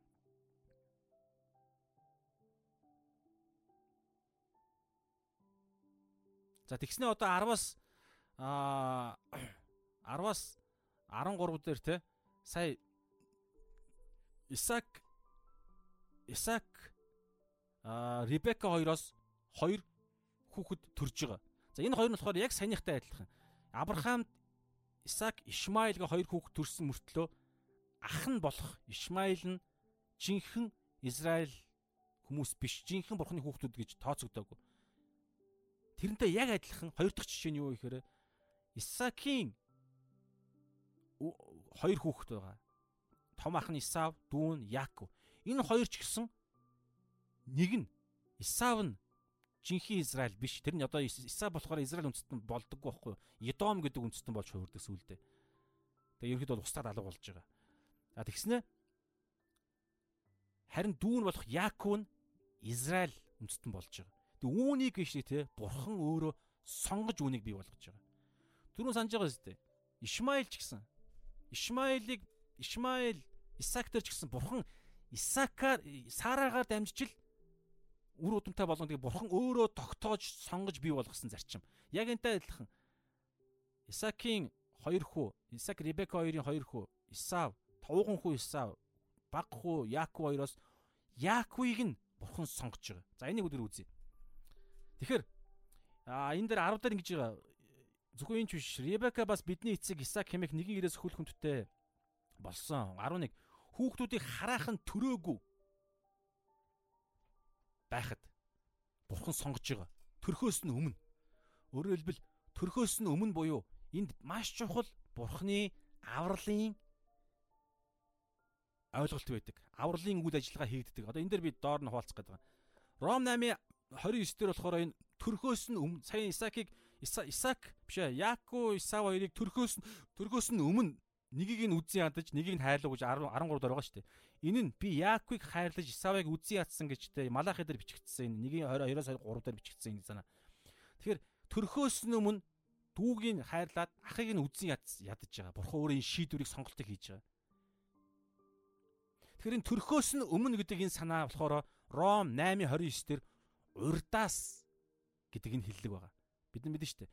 Ром 8:29 нэг авралын авралын таван алтан гинжийг үзэхэд эхнийх нь те урдаас буюу төрхөөс нь өмнө эн чинь бүр ертөнцийн суураас өмнө гэж ярьдаг. А одоо тэр нь болохоор Эфес дээр байгаа юм. Урдаас буюу бүр бүр өмнө үн мөнхийн өмнөөс мэдсэн хүмүүсээ үн мөнхийн өмнөөс тогтоосон тогтооснуудаа аа дуудсан гэдэг нь болохоор цаг хугацаар ороод ирж байгаа байхгүй бид нартай хамаа бидний амьдрал дээр дуудсан дуудснуудаа ингээд ингээд явж байгаа. Тэгэхээр төрхөөс өмнө гэж ярихаар урдаас гэдэг энэ санаа байдаг. Хоёрдугаарт Эфес 1-ийн 4-өөс 5 дээр ертөнцийн суураас өмнө гэдэг санаа байна. За би энэ ишлэгийг зөвөр уншия. Эфес 1-ийн 20 а Эфес 1-ийн 4-өөс 5 дээр энэ маш гоё хэсэг учраас 4-өөс 5 дээр ингэж байгаа. Түүний өмнө биднийг хайр дор ариун бөгөөд гим зэмгүй байхын төлөө биднийг Бурхны өмнө ариун гим зэмгүй тэрхүү гоё төгс Есүстэй адилхан болохын төлөө Бурхан ертөнцийн суураас өмнө биднийг Христ дотор сонгосон гэж байгааз. Ертөнцийн суураас өмнө намайг төрхөөс өмнө биш. Бүр эхлэл нэгийн нэгээс ч өмнө эхэнд Бурхан тэнгэр газрыг бүтээжээ гэдэг энэ үйл явдлаасаа бүр өмнө цаг хугацаа бүтээгдэхээс бүр өмнө тэнгэр элч нар бүтээгдэхээс ч бүр өмнө инх тайвныг таныг намайг бид бүгдийг Израиль Израилийн зарим израилчуудыг аврахаар бурхан сонгосон гэж ярьж байгаа сонгосон. Тэгэхээр ертөнцийн сураас юм. За хоёрдугаар санаа 9-аас 11 дээр ингэж байгаа. Хүүхдүүдийг хараахан төрөөгүй ямар ч сайн муу зүйл үйлдээгүй байхт нь. Сайн мууг үйлдэхээс нь бүр өмнө гэж байгаа. Юу гэсэн үг вэ гэхээр аврагдах аврахдахгүй гэдэг нь сайн бид хэр бурханд таалагдах таалагдахгүй байхаас хамаардаггүй. Энэ маш чухал санаа шүү. Бид нарыг Ром 5 дараа бол тэгж байгаа. Бидний нүгэлтнүүд байхад Христ бидний төлөө өгсөн. Үүгээрээ Бурхан бидний хайрлах хайраа харуулсан гэж. Бид Бурханы эсрэг бүр дайсагнал дайсан байхад эхлээд Бурхан бидний хайрлж сонгож байгаа гэдэг санаа. Хэрвээ үйлсээр болдог байсан бол хинч аврагдах сонгогдох боломжгүй байхгүй юу? Тэгээ хинч аврагдах сонгогдох боломжгүй учраас бурхан бурхны хайр нь байгаад байгаа. Гэтэл хайрлах гээд аврах гэсэн чинь хинч аврагдах стандарт хүрч чадахгүй байгаа учраас бурхан тэднээс ямар ч хамааралгүйгээр эхэлж тэд нарыг ертөнцийн сүрээс өмнө сонгож бид нарыг сонгож аварч байгаа. За үүнийг бол Эфес 2-ын 8-аас 10 дараа их гоё хэлдэг. Эфес 2-ын 8-аас 9 дээр ингэж байгаа. Нэгүслийн учир хардаа Бурхны нэгүслийн учир итгэлээрээ аврагдсан гэж байгаа. Итгэлээр. аврагдсан нь та нараас бус харин Бурхны бэлэг. Гэтэ Монгол хэлээр жоохон ойлгомжгүй санагдсан. Нэгүслийн учир итгэлээрээ аврагдсан. Энэ нь гэж байх хэвээр миний бодлоор бол. Яг эхлэлээр англи дээр ч нэгэдэг байгаа байхгүй. Нэгүслийн учир итгэлээрээ аврагдсан. Энэ нь та нараас бус. Юу гэсэн үг вэ гэхээр ягаад тэгэхээр ягаад би ингэж онцолж байгаа гэхээр нэг та одоо хажуудлын дэлгэцийг хардаа. Нэгүслийн учир итгэлээрээ аврагдсан нь гэдэг гэж болчиход байгааз. Гэтэл англи хэл дээр ч гэсэн тийм байхгүй Нэгүслийн учир итгэлээрээ аврагдсан энэ итгэл нь итгэлийн яг араас нь За би бүр юуг нь харуул үзье. Англиг нь харуул. Энд би яагаад гэхээр нэг чухал зүйл гарч ирэх гээд байгаа байхгүй юу? 2-ын 8 дээр. Арда 2-ын 8 дээр. For за би англиар нь уншия. For by grace. For by grace. Тэ? Яагаад гэвэл итгэлээрээ you have been saved аврагдсан. Тэгснэ through faith итгэлээр. Тэгээ энэ итгэл нь this is this is гэж байгаа this is not of yourselves. Энэ this is гэдэг нь аврал биш итгэл байхгүй юу? Итгэл. Итгэл нь та нараас биш гэсэн үг. За энэ маш чухал систем теологийн судал дээр энэ батлагддаг маш чухал санаа байгаа байхгүй юу? Юу гэсэн үг вэ?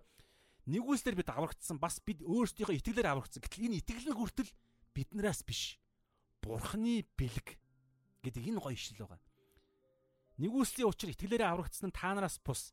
Харин энэ нь Бурхны бэлэг юм аа гэвэл зүгээр. Бөгөөд үйлсээр чинь биш гэж байгаа. Итгэл нь өөрөө үйлс биш байхгүй юу?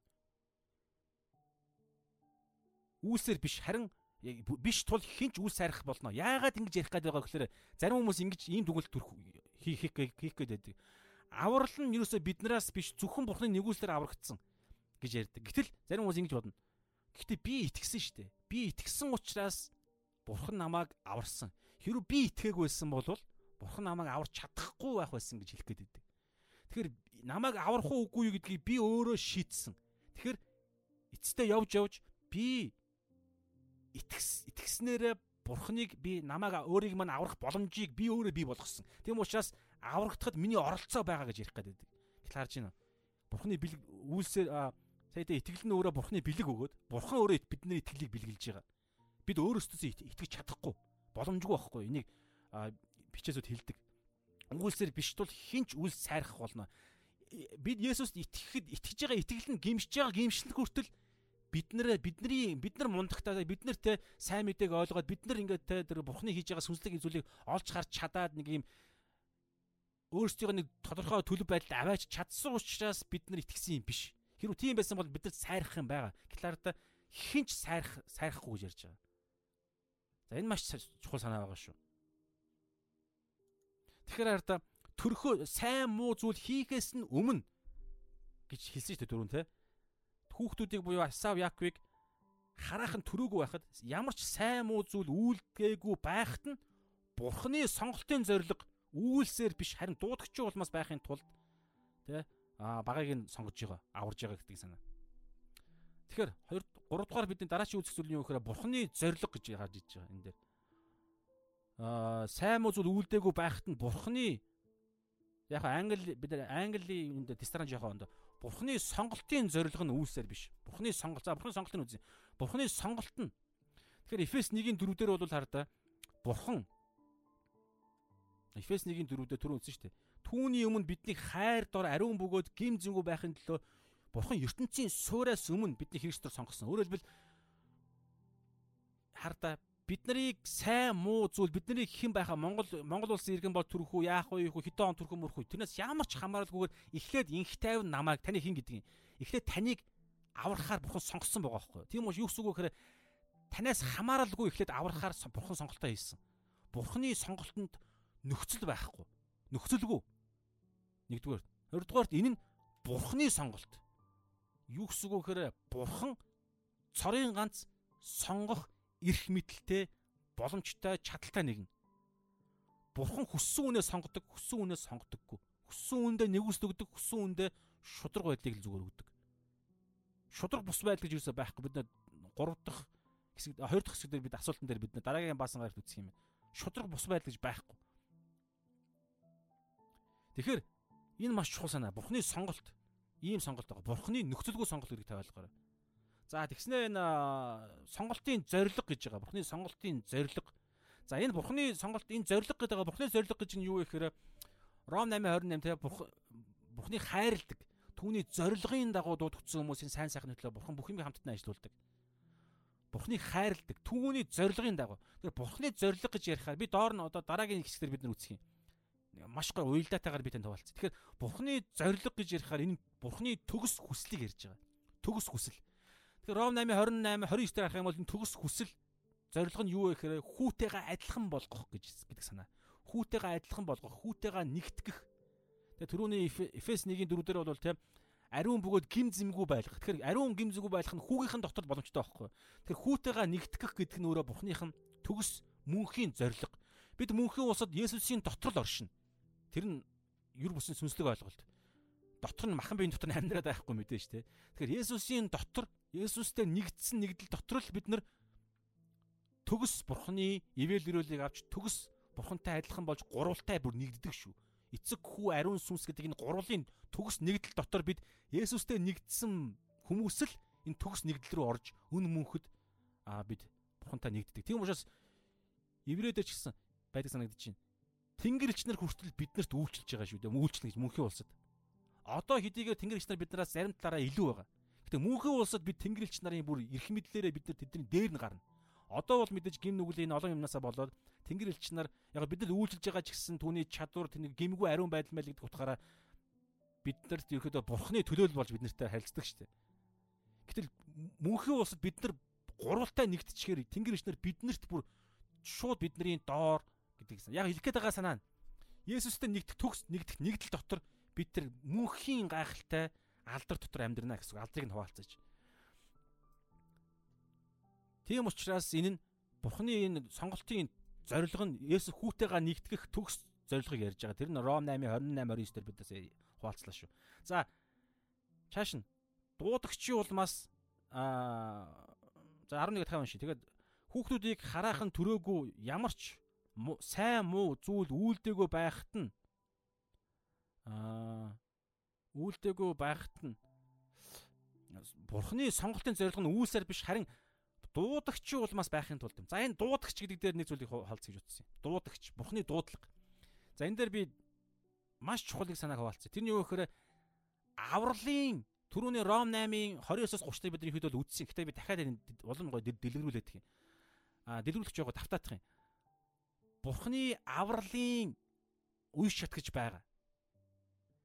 Тэрийг бид нар үдсэн тэр дундаа бурхны дуудлага гэдэгтэр хамааралтай би хуваалцсан. Тэгэхээр бид хэрхэн авралдаг вэ? Хэрхэн одоо мөнхийн аврал руу орохоос өмнө ямар шатлалтай аврал бий болгохыг хуваалцсан. Нэгдүгээр дөрвөн шатлалтай үйл явдал болж байгаа.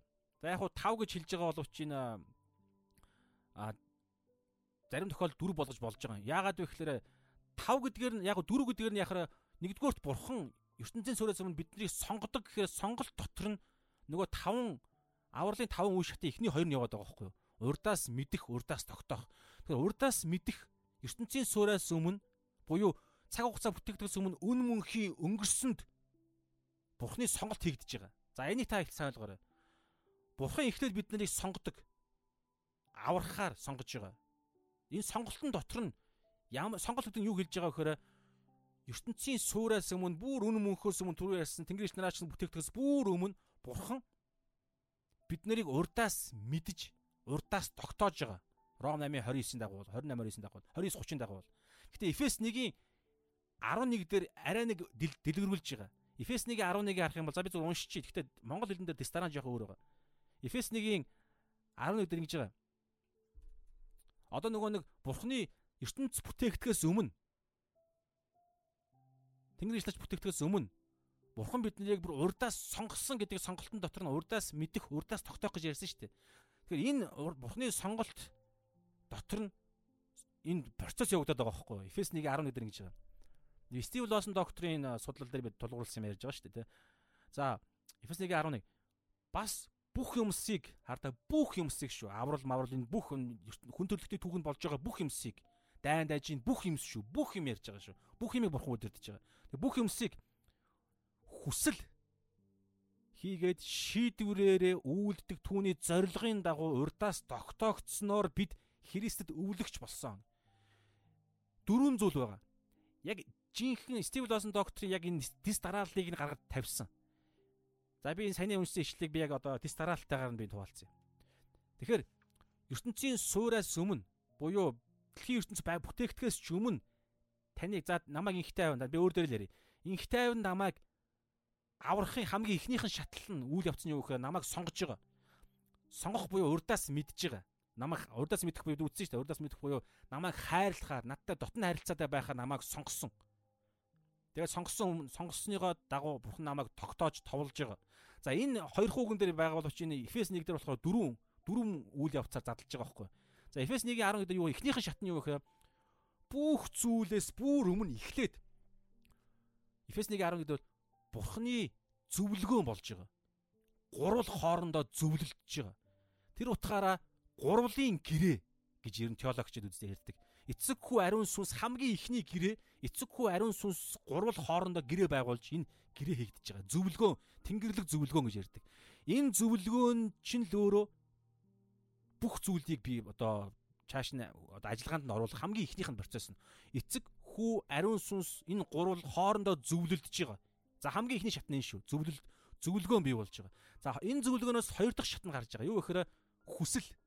Энэ зөвлөгөөнийхөө дагуу зөвлөлдөж байгаад хамгийн Гэхдээ бид нар ингээд нэг юм одоо тэдэн цаг зөвлөлд мөвлөд нэг хүнийхээ ойлголтоор бодох гээд байгаа. Гэхдээ та зүгээр ядаж энэ үгийг нь утгыг нь ойлгочих. Гэхдээ яг бид нар бүрэн ойлгож чадахгүй заяа. Гэхдээ ямар ч үс эхлээд хоорондоо гурал хоорондоо зөвлөлдөж байна. Тэгээ энэ зөвлөлтөөний үр дагаварт байж болох хамгийн төгс, хамгийн сайн хүслийг бий болгож байгаа. Тэгэхээр зөвлөгөөн хоёрдугаарт нь зөвлөгөөнөөс бий болж байгаа хүсэл, бурхны хүсэл. За энэ хүслийнхаа дагуу бурхан зорилгоо тогтоож байгаа. Зорилго шийдвэрээ тогтоолоо гаргаж байгаа. Тэр нь түрүү хэлсэн шүү дээ. Хүүтэйгээ адилхан болгох. Тэгээ одоо аа Тэгэхээр энэ бурхны зөвлөгөөн хүсэл зориг гэдэг чинь ихэд урдаас мэдэх гэдэг гэдэгтэй бид нар хамаарал яаж болно гэсэн. Намааг ертөнцийн сүрээс юм бурхан минь миний инх тайвны талаар хоорондоо зөвлөлдөөд инх тайванд байж болох байж болох бүх хүн төрөлхтөндөө зөвлөлдөөд хүн төрөлхтнийг одоо тэ талаарх зөвлөлдгөөнийхөө дагуу инх тайван гэдэг нэгийг дөндөө олон хүмүүс нэг нь таа мөн тэ. Тэгэхээр инх тайван гэдгийг бурхан аврахаар тэрхүү хамгийн төгс хүслээ гаргаад тэгээ эннийхээ дагуу шийдвэр тогтоолыг гаргаж байгаа. Тэр нь инх тайвныг өөрийнх нь хүүтэйгээ адилхан болгоё гэд. Ийм юм шатлалтайгаар юм мөнхийн үе шатыг авралын төлөвлөгөө. Тэгээд энэ зориг буюу энэ хүү тогтоол шийдвэрээ товлж байгаа, товлгоо хизээ би төрөх юм. Хэд амьдралд маань юу болох юм те бүгдийг товлж байгаа. Гэхдээ энэ товлгоо энэ чинь бидний робот шиг өдөрдөн гэсэн үг биш. Энэ ингэж өдөрдөх товлохдоо дандаа бүтээлийнх нь онцлогын дагуу өдөрдөж байгаа. Тэгэхээр бүтээлийн онцлог юу юм? Хүн чөлөөт хүсэлтэй сонголттой бүтээгдсэн. Moral ёс Бухны дүр төрхтэй адилхан. Тийм учраас бид нар хийдэг юмаа хүсдэг юмаа сонгодог юмаа сонголтоо хийн. Гэхдээ энэ сонголтын сонголттой зэрэгцээ бид хараа ингээ ойлгож чадахгүй. Гэхдээ Библи хэлж байгаа санаа энэ сонголттой зэрэгцээ Бурхны бидний чөлөөт хүсэлтэд зэрэгцээ Бурхны химжээшгүй дээд захиргаа ажиллаж идэг байгаа байхгүй. Тэгээ хоорондоо яг яаж ажиллахыг бид нар мэдэхгүй боловч хамгийн эхлэл нь дандаа Бурхны захиргаа байгаа. Бурхны захиргаа төлөвлөгөө товлгооны дагуу бид нар чөлөөт хүсэл маань одоо бидний сонголт амьдралын юм нь өрнөж байгаа. Гэхдээ бид нар бүгд их чөлөөгөө эдэлж байгаа шүү дээ. Гэхдээ бурхан тэрний цаана яг яаж ажилладгийг мэдэхгүй тэр гайхалтай а товлгоо аль эзэнэ сонголтод хийгдсэн байна гэсэн үг шүү. Тэгээ амьдрал дээрээ энэ яах вэ? Тэгэхээр авралын үе шатын эхнийх нь цаг хугацаанаас бүр өмнө бий болж байгаа тэр бурхан бидний ертөнцийн суриас өмнө биднийг сонгосон. Буюу урдаас мэдэх, урдаас тогтоох. Тэгээ энэ бол дотроо зөвлөгөөн хий болж гин, зөвлөгөөн, хүсэл, зориг, товлолт, товлогоо бий болж. Тэгснэ хоёрдугаарт нь дуудлага гэж ярьж байгаа. Түрүүн Ром 8 Ром 8-ын 29 30 дээр бид үзсэн шүү дээ. Бурхан ертөнцийн урдаас урдаас мэдсэн хүмүүсээ урдаас тогтоосон цаг ярьчлаа сонголт тэгээд урдаас тогтооснуудаа дуудсан гэж байгаа. За энэ дуудлага нь биш те ертөнцийн суураас өмнө биш. Цаг хугацааны одоо хэл цаг хугацааны дотор буюу бидний төрсний дараа бидний амьдралын үйл явц дотор бий болдог. Бидний одоо авралын дуудлагыг ярих гэдэг. Бурхан одоо нөгөө тэгтээ ингэж байгаа шүү дээ. Ром 8 дээр бид нар үтсэн. Бурхан урдаас сонгосон бүх хүмүүсээ бүгдийн дууддаг, бүгдийн дуудсан бүх хүмүүсээ зөвтгдөг, зөвтгсөн бүх хүмүүсээ алдаршуулдаг. Нэгэн ч дундаас нь хаягддаггүй. Бас нэгт нэгэн ч нэмэгддэггүй гэж байгаа. Энэ бол бүр ойлгохын аргагүй ойлголт байгаа. Гэхдээ энэ бол Бурханы өөрийнх нь л биднэрт хэлчихсэн дээд ирэх мэдлийн одоо илчлэлт байгаа. Библи ингэж хэлж байгаа. За тэгснэ тэгээд энэ бурхан биднийг дуудаж байгаа. За энэ дуудлага дотор нь хараа. Одоо энд маш чухал зүйл байгаа. Энэ дээр бид нар ер нь ихэнх маань буруу ойлголттой явж исэн байх магадлал маш өндөр. Би л ингэж явж исэн. Тэгэхээр сайн мэдээний дуудлага гэдэг дотор маш чухал нэг юм байгаа. Одоо энэ процесс явагдаж байгаа. Тэрний юу гэхээр эхлээд Ром 10 дээр бол итгэлэн сонсохоос сонсох нь Христ юугээр. Тэгэхээр эхэлж заавал сонсох ёстой буюу сайн мэдээ тараагдах ёстой. Ийм учраас Бурхны авралын төлөлгөө чуулганаараа итгэж биднэртэй хамтарч хийгддэг. Бид нар тийм үүрэг хариуцлага гэж байгаа. Изекиэлэр бол тэ биднийг нэг харуул гэж ярьж байгаа. Тэгэхээр сайн мэдээ за ингэ Бурхны дуудлага, авралын дуудлага яаж хийгдэж байгааг та анзаараарай. Гэхдээ нэг зүйл ойлгоо. Бурхны авралын дуудлага гэдэг нь тухайн дуудлага хийгдсэн бол заавал тэр дуудлагыг авсан үнэн заавал аврагддаг. Ийм дуудлага ярьж байгаа. Тэгэхээр та арай нэг өөр юм ярих гэдэг та анзаарч байгаа бол Тэгэхээр бурхан за би инхтэй өөр дээр л ярив. Инх тайвныг тодорхой нэг хэдэн хэдэн онд чинь намайг ингээд аа над дээр хин нэгэн сайн мэд тарах ч юм ямар нэгэн процесстэй бурхан руу дуутах нэг сайн мэдээний урилга ирсэн гэсэн. Сайн мэдээний урилга.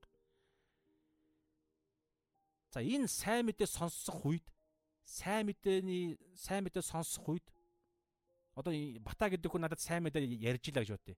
Энэ сайн мэдээ сонсох үед бурхан эхлээд сайн мэдээ сонсож их үед би итгэхээс өмнө за ингээд сайн мэдээ сонсож байгаа одоо 30 минутын үйл явц болж байгааг та төсөөлөөрэй зөө. Бата надад 30 минут сайн мэдээ ярьж байна.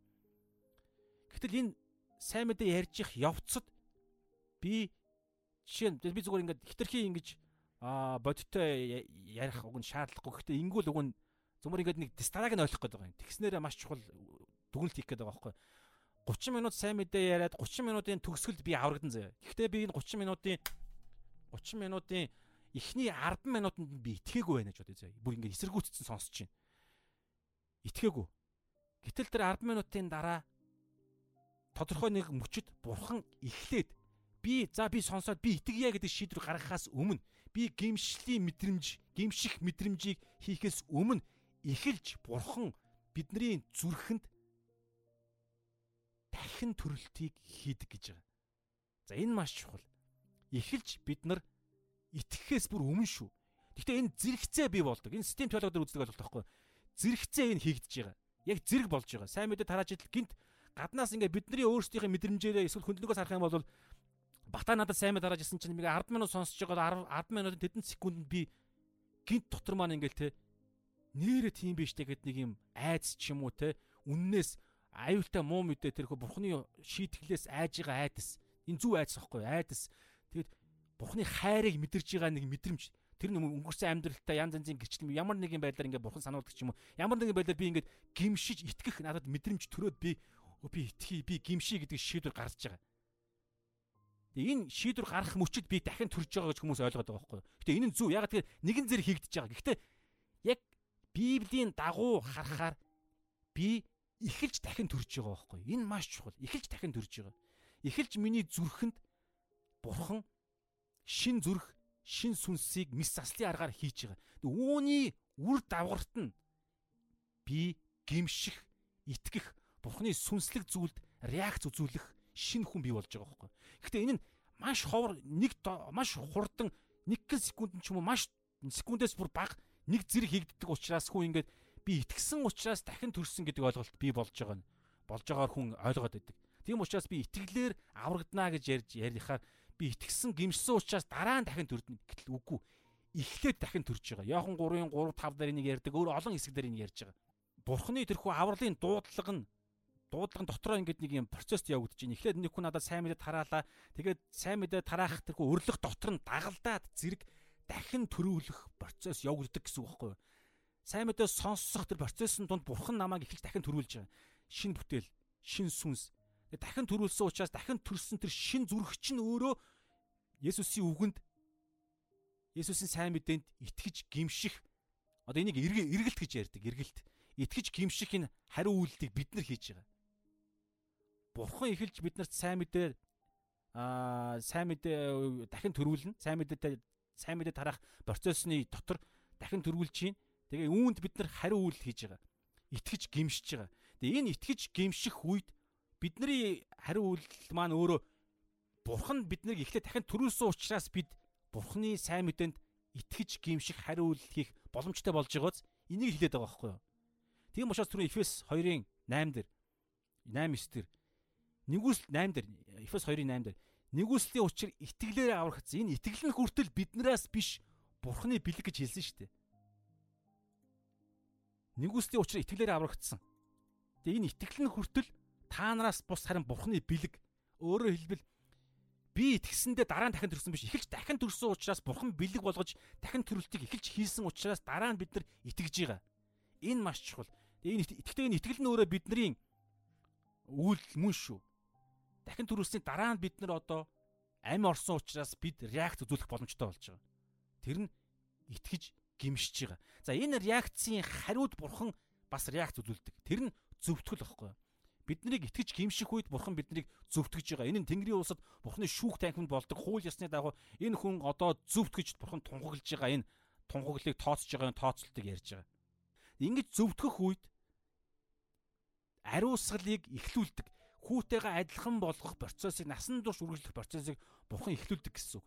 Тэгээ ингэж ариусгах, ариусгалын процессын дундаа бурхан биднийг хамгаалсаар байдаг. Хамгаал бурханы хамгаалалт байнга энийг өөрөө хийж идэг гэсэн үг. Тэгээд Есүсийн хоёр дахь ирэлтээр бурхан биднийг бүрэн төгс өөрийн хүүтэйгээ нэгтгэн ариус алдаршуулна гэж ярьдаг. За ийм дөрвөн процесс, дөрвөн шатлалтай процесс бас сонголтын дотроо урдаас мэдэх, урдаас тогтоох буюу ингээд нийтээ 5 шатлалтай авралын процесс болдгоо гэсэн үг шүү. За сүүлийн аа хоёр санааг хийгээд үзээд тэгээ өндөрлөе. За сүүлийн санаа маань юу вэ гэхээр аа 12 дугаар ишлэлээр Ром 9-12 ингэж байна. Дууд 11-ийн төгсгөл дуудагчийн улмаас байхын тулд том нь багдаа зарцлагдана гэж ихт нь айлцсан ажээ. За энэ бол эхлэл 25 23-аас иш татсан хэсэг. Тэгэхээр том нь багдаа зарцлагдана гэдэг бол ууган хүүн дүүдээ зарцлагдана гэдэг бол энэ дэлхий дээр байдаг стандарт зарчмын зарчмыг бүр эргүүлсэн, оронгоор нь эргүүлсэн ийм зарчим байгаа. Одоо бурхны хаанчлалын зарчим бол ихэвчлэн энэ дэлхий дээр байгаа хүний бий болгосон хаанчлалын эсэргээр ажилдаг. Ихэвчлэн бурхан ийм эсэргүү эсэргүүцээд нэг эсэргүү гэхээс илүүгээр бид нар анханасаа бурхны тогтоосон зарчмын эсрэг хаанчлалыг хүн төрлөختөн бий болгосон учраас бурхан бол яг л өөрийнх нь зарчмаараа өөрчлөгдөшгүй явж байгаа шүү дээ. Бидний тэрхүү бий болгосон зарчим их дандаа бурхны эсрэг байдаг учраас бидний зүгээс харахаар бурхны библийн зарчим бидний хүний тогтсон стандартаас эсрэг гэж харагдаад байгаа юм тэр. Гэтэл бид нар өөрсдөө бурхны эсрэг байгаа гэдэг ойлгох хэрэгтэй. Тэгэхээр бид нар бол ихэвчлэн том нь багада баг нь томдоо ах нартаа үйлчилдэг штэ заслагддаг штэ. Гэтэл бурхан хөвчлэн бурхны болохоор эсрэгээр юу гэсэн үгээр даруу сул дорой даруу хүмүүсийг бурхан өргөмжилдэг. Тэрнээс ч бардам дээрлэхүүг нь бурхан дардаг. Бардмыг бурхан эсэргүүцдэг гэж Яаков дээр хэлдэг шүү дээ. Тийм учраас дороог нь өргөмжлөх гэдэг чинь өөрөө бурханы анханаас нь байсан тийм зарчмаа гэсэн үг. Та харах юм бол харж болно. Абелийг бурхан өргөмжилж байгаа тий. Сул дорой дүүг нь гэх мэт. Гэтэ цаана бурхан тэр сул дорой нь яагаад сул дорой байгаа гэхээр угаасаа хүн төрлөختөн чи угаасаа сул дорой гэдгийг ойлгосон хүн дорой дорой байна гэсэн үг байхгүй. Гэтэл би сул дорой биш би мундаг гэж томорж байгаа чинь өөрөө бурхныг эсэргүүцсэн бурхныг бурхнаас татгалцсан хүмүүс хөвчлэн тийм байдаг. Гэтэл бурхныг сонгосон хүмүүс ямар сул доройгоо гэдгээ ойлгох ухаарал дотор явж байгаа хүмүүс. Тэгэхээр сул дорой байдал нь тэгж наа илэрдэг гэсэн. Яг үнэн байдал нь. Гэтэл хүчтэй гэж илэрж байгаа чи өөрөө араатны бузар муу чөтгөрийн одоо биднэрт хуурж ухуулдаг тарих угаалт байхгүй юу. Гэтэл бод байдал дээр хүмүүс ямар сул дорой гэдгээ ойлгох хэрэгтэй. Тэгэхээр хамгийн сүүл нь айлцсан том нь багада зарчлагдана гэж хитэн айлцсан. Энэ нь Малахи дээр байдаг нэгдүгээр байдаг хэсэг. Би Яаковыг хайрлаж Исавыг үзий ятсан гэж бичигдсэнчлээ юм а. За энтэй хамааралтай чухал чухал зүйлсийг Стив Лосон доктор дараагийн баасан гарагт а дараагийн хичээл дээр нь үзэхээр нь би бас дараагийн баасан гарагт нэмэлт бас мэдээллийг өгөн өгөх байх гэж бодож байна. А гэхдээ яг одоогийн төвшөнд бидний ойлгох ёстой гол зүйл юу вэ гэхээр Яаковыг хайрлах гэдэг нь юу ярьж байгаа вэ гэхээр Бурхан Яаковыг хайрлахаар, аврахаар сонгосон гэсэн үг. Энэ сонголтыг яриад байгаа. Тэр бол гарцаагүй үнэн. Түрүү хэлсэн шүү дээ. Бурхны сонголтын дагуу бурхан Яаковыг хайрлаж Исавыг үзэн ядахаар бурхан сонгосон. Тэгэхээр Исавыг үзэн ядах гэж санаа юу ярьж байгаа гэхээр Исавд бурхан шудраг байдлыг л шудраг байдлаа үзүүлэхээр сонгосон гэсэн үг. Яаковт нь бурхан нэгүслээ үзүүлэхээр сонгосон. Тэгэхээр нэгүслээ үзүүлэхгүй байхаар цаана үлдэж байгаа ганц зүйл нь өөрөөсөө шудраг байдаг байхгүй. Тэгэхээр шудраг байдлаар хандъя гэд ихлээр ер нь та бодоорой. Есүст бурхан шудраг хандсан уу? Шудраг хандсан шүү дээ. Бүр хамгийн Есүс Галат дээр Есүс хуулийн дор төрсөн гэж ярьж байгаа. Тэгэхээр хуулийн дагуу Есүс шудраг байдлын дагуу Есүс бурханд таалагдсан байхгүй юу? Тэгэхээр шудраг байдлыг хандах гэхээр Есүс бусад бүх хүмүүс шудраг байдлын дагуу бурхантай харилцсан гэхээр үзэн ядалтыг л авна гэсэн үг. Ямар ч хүн. Үзэн ядалт буюу шудраг байдлаар хандахаар хүн болгон гимтэй. Тийм учраас Исавыг бурхан үзэн ядсан гэдэг нь Исавт бурхан шудраг байдлаа үзүүлсэн учраас шудраг байдлын дагуу хандахаар тухайн хүн өөрөө гим үлдэж байгаа. Тэгэхээр гим нүгэл тохирох юмыг л өөрөө өөрт нь үүрэх ёстой юмыг л бурхан Исавт өгсөн гэсэн үг. Шудраг бус хандаагүй. Шудраг бус хандаагүй. Харин Яаковд нэгүсэнгүү хандсан гэсэн үг. Хайрлахаар сонгосон гэсэн үг. За ийм чухал зүйл ярьсан байна. За та бүгдээрээ залбираад өндөрлөө. Эзэн минь энэ цагийн төлөө талархъя те. Өнөөдөр бид нар маш чухал зүйлсүүдийг үзлээ. Тэгээд дундуур нь техникийн асуудал гарсан. Тэгээд дараа нь апплод хийгээд тавихад эзэн бас Facebook дээр тавьж болохгүй байгаа дэлээ. Тэгээд та ямар нэгэн байдлаар бас болгоход та туслаач ээ. Тэгээд танд бол бүх зүйл боломжтой. Тэгээд дараагийн баасан гарагт бас ийм техникийн асуудал, интернетийн гол нь асуудал гарахгүй байхад та туслаач. Танаас үнэхээр сул дорой байдлаа танд илтгэн гууж байна. Тэгээд хамт сонсох хүмүүсийг, дахин сонсох хүмүүсийг байгаагаас нь байгаа цагтар нь та өөрийнхөө сүнсээрээ үннээрээ удирдаач гэж бүх зүйлийг танд даатхан талархан Есүсийн нэр дээр залбирч байна. Амен. За хамт исэн хүмүүстээ баярлалаа. Дараагийн бүтэн ваасан гарагт а ямар нэгэн гинтийн үйлчлэл гарахгүй бол уулзцгаая. Та бас залбирч өгөөрэй. Санахта та бас санхүүгээр үйлчлэлийг маань дэмцээрэй талархах шүү. Ямар нэгэн их санхүүгийн их үүсвэргүй үйлчлэл байдаг. Тийм учраас таны л багч гисэн тэрхүү дэмээр анхан шатны хэрэгцээ маань болон энэ хэрэгтэй байхаа урагшлах тэрхүү бүх зүйлс маань таны хүчээр л боломжтой болдог шүү тийм учраас та санахтаа боломжоор 50000 төгрөг 1000 төгрөг илүүдэхгүйгээр та өрөөвөл маш бодиттой дэм болдог шүү.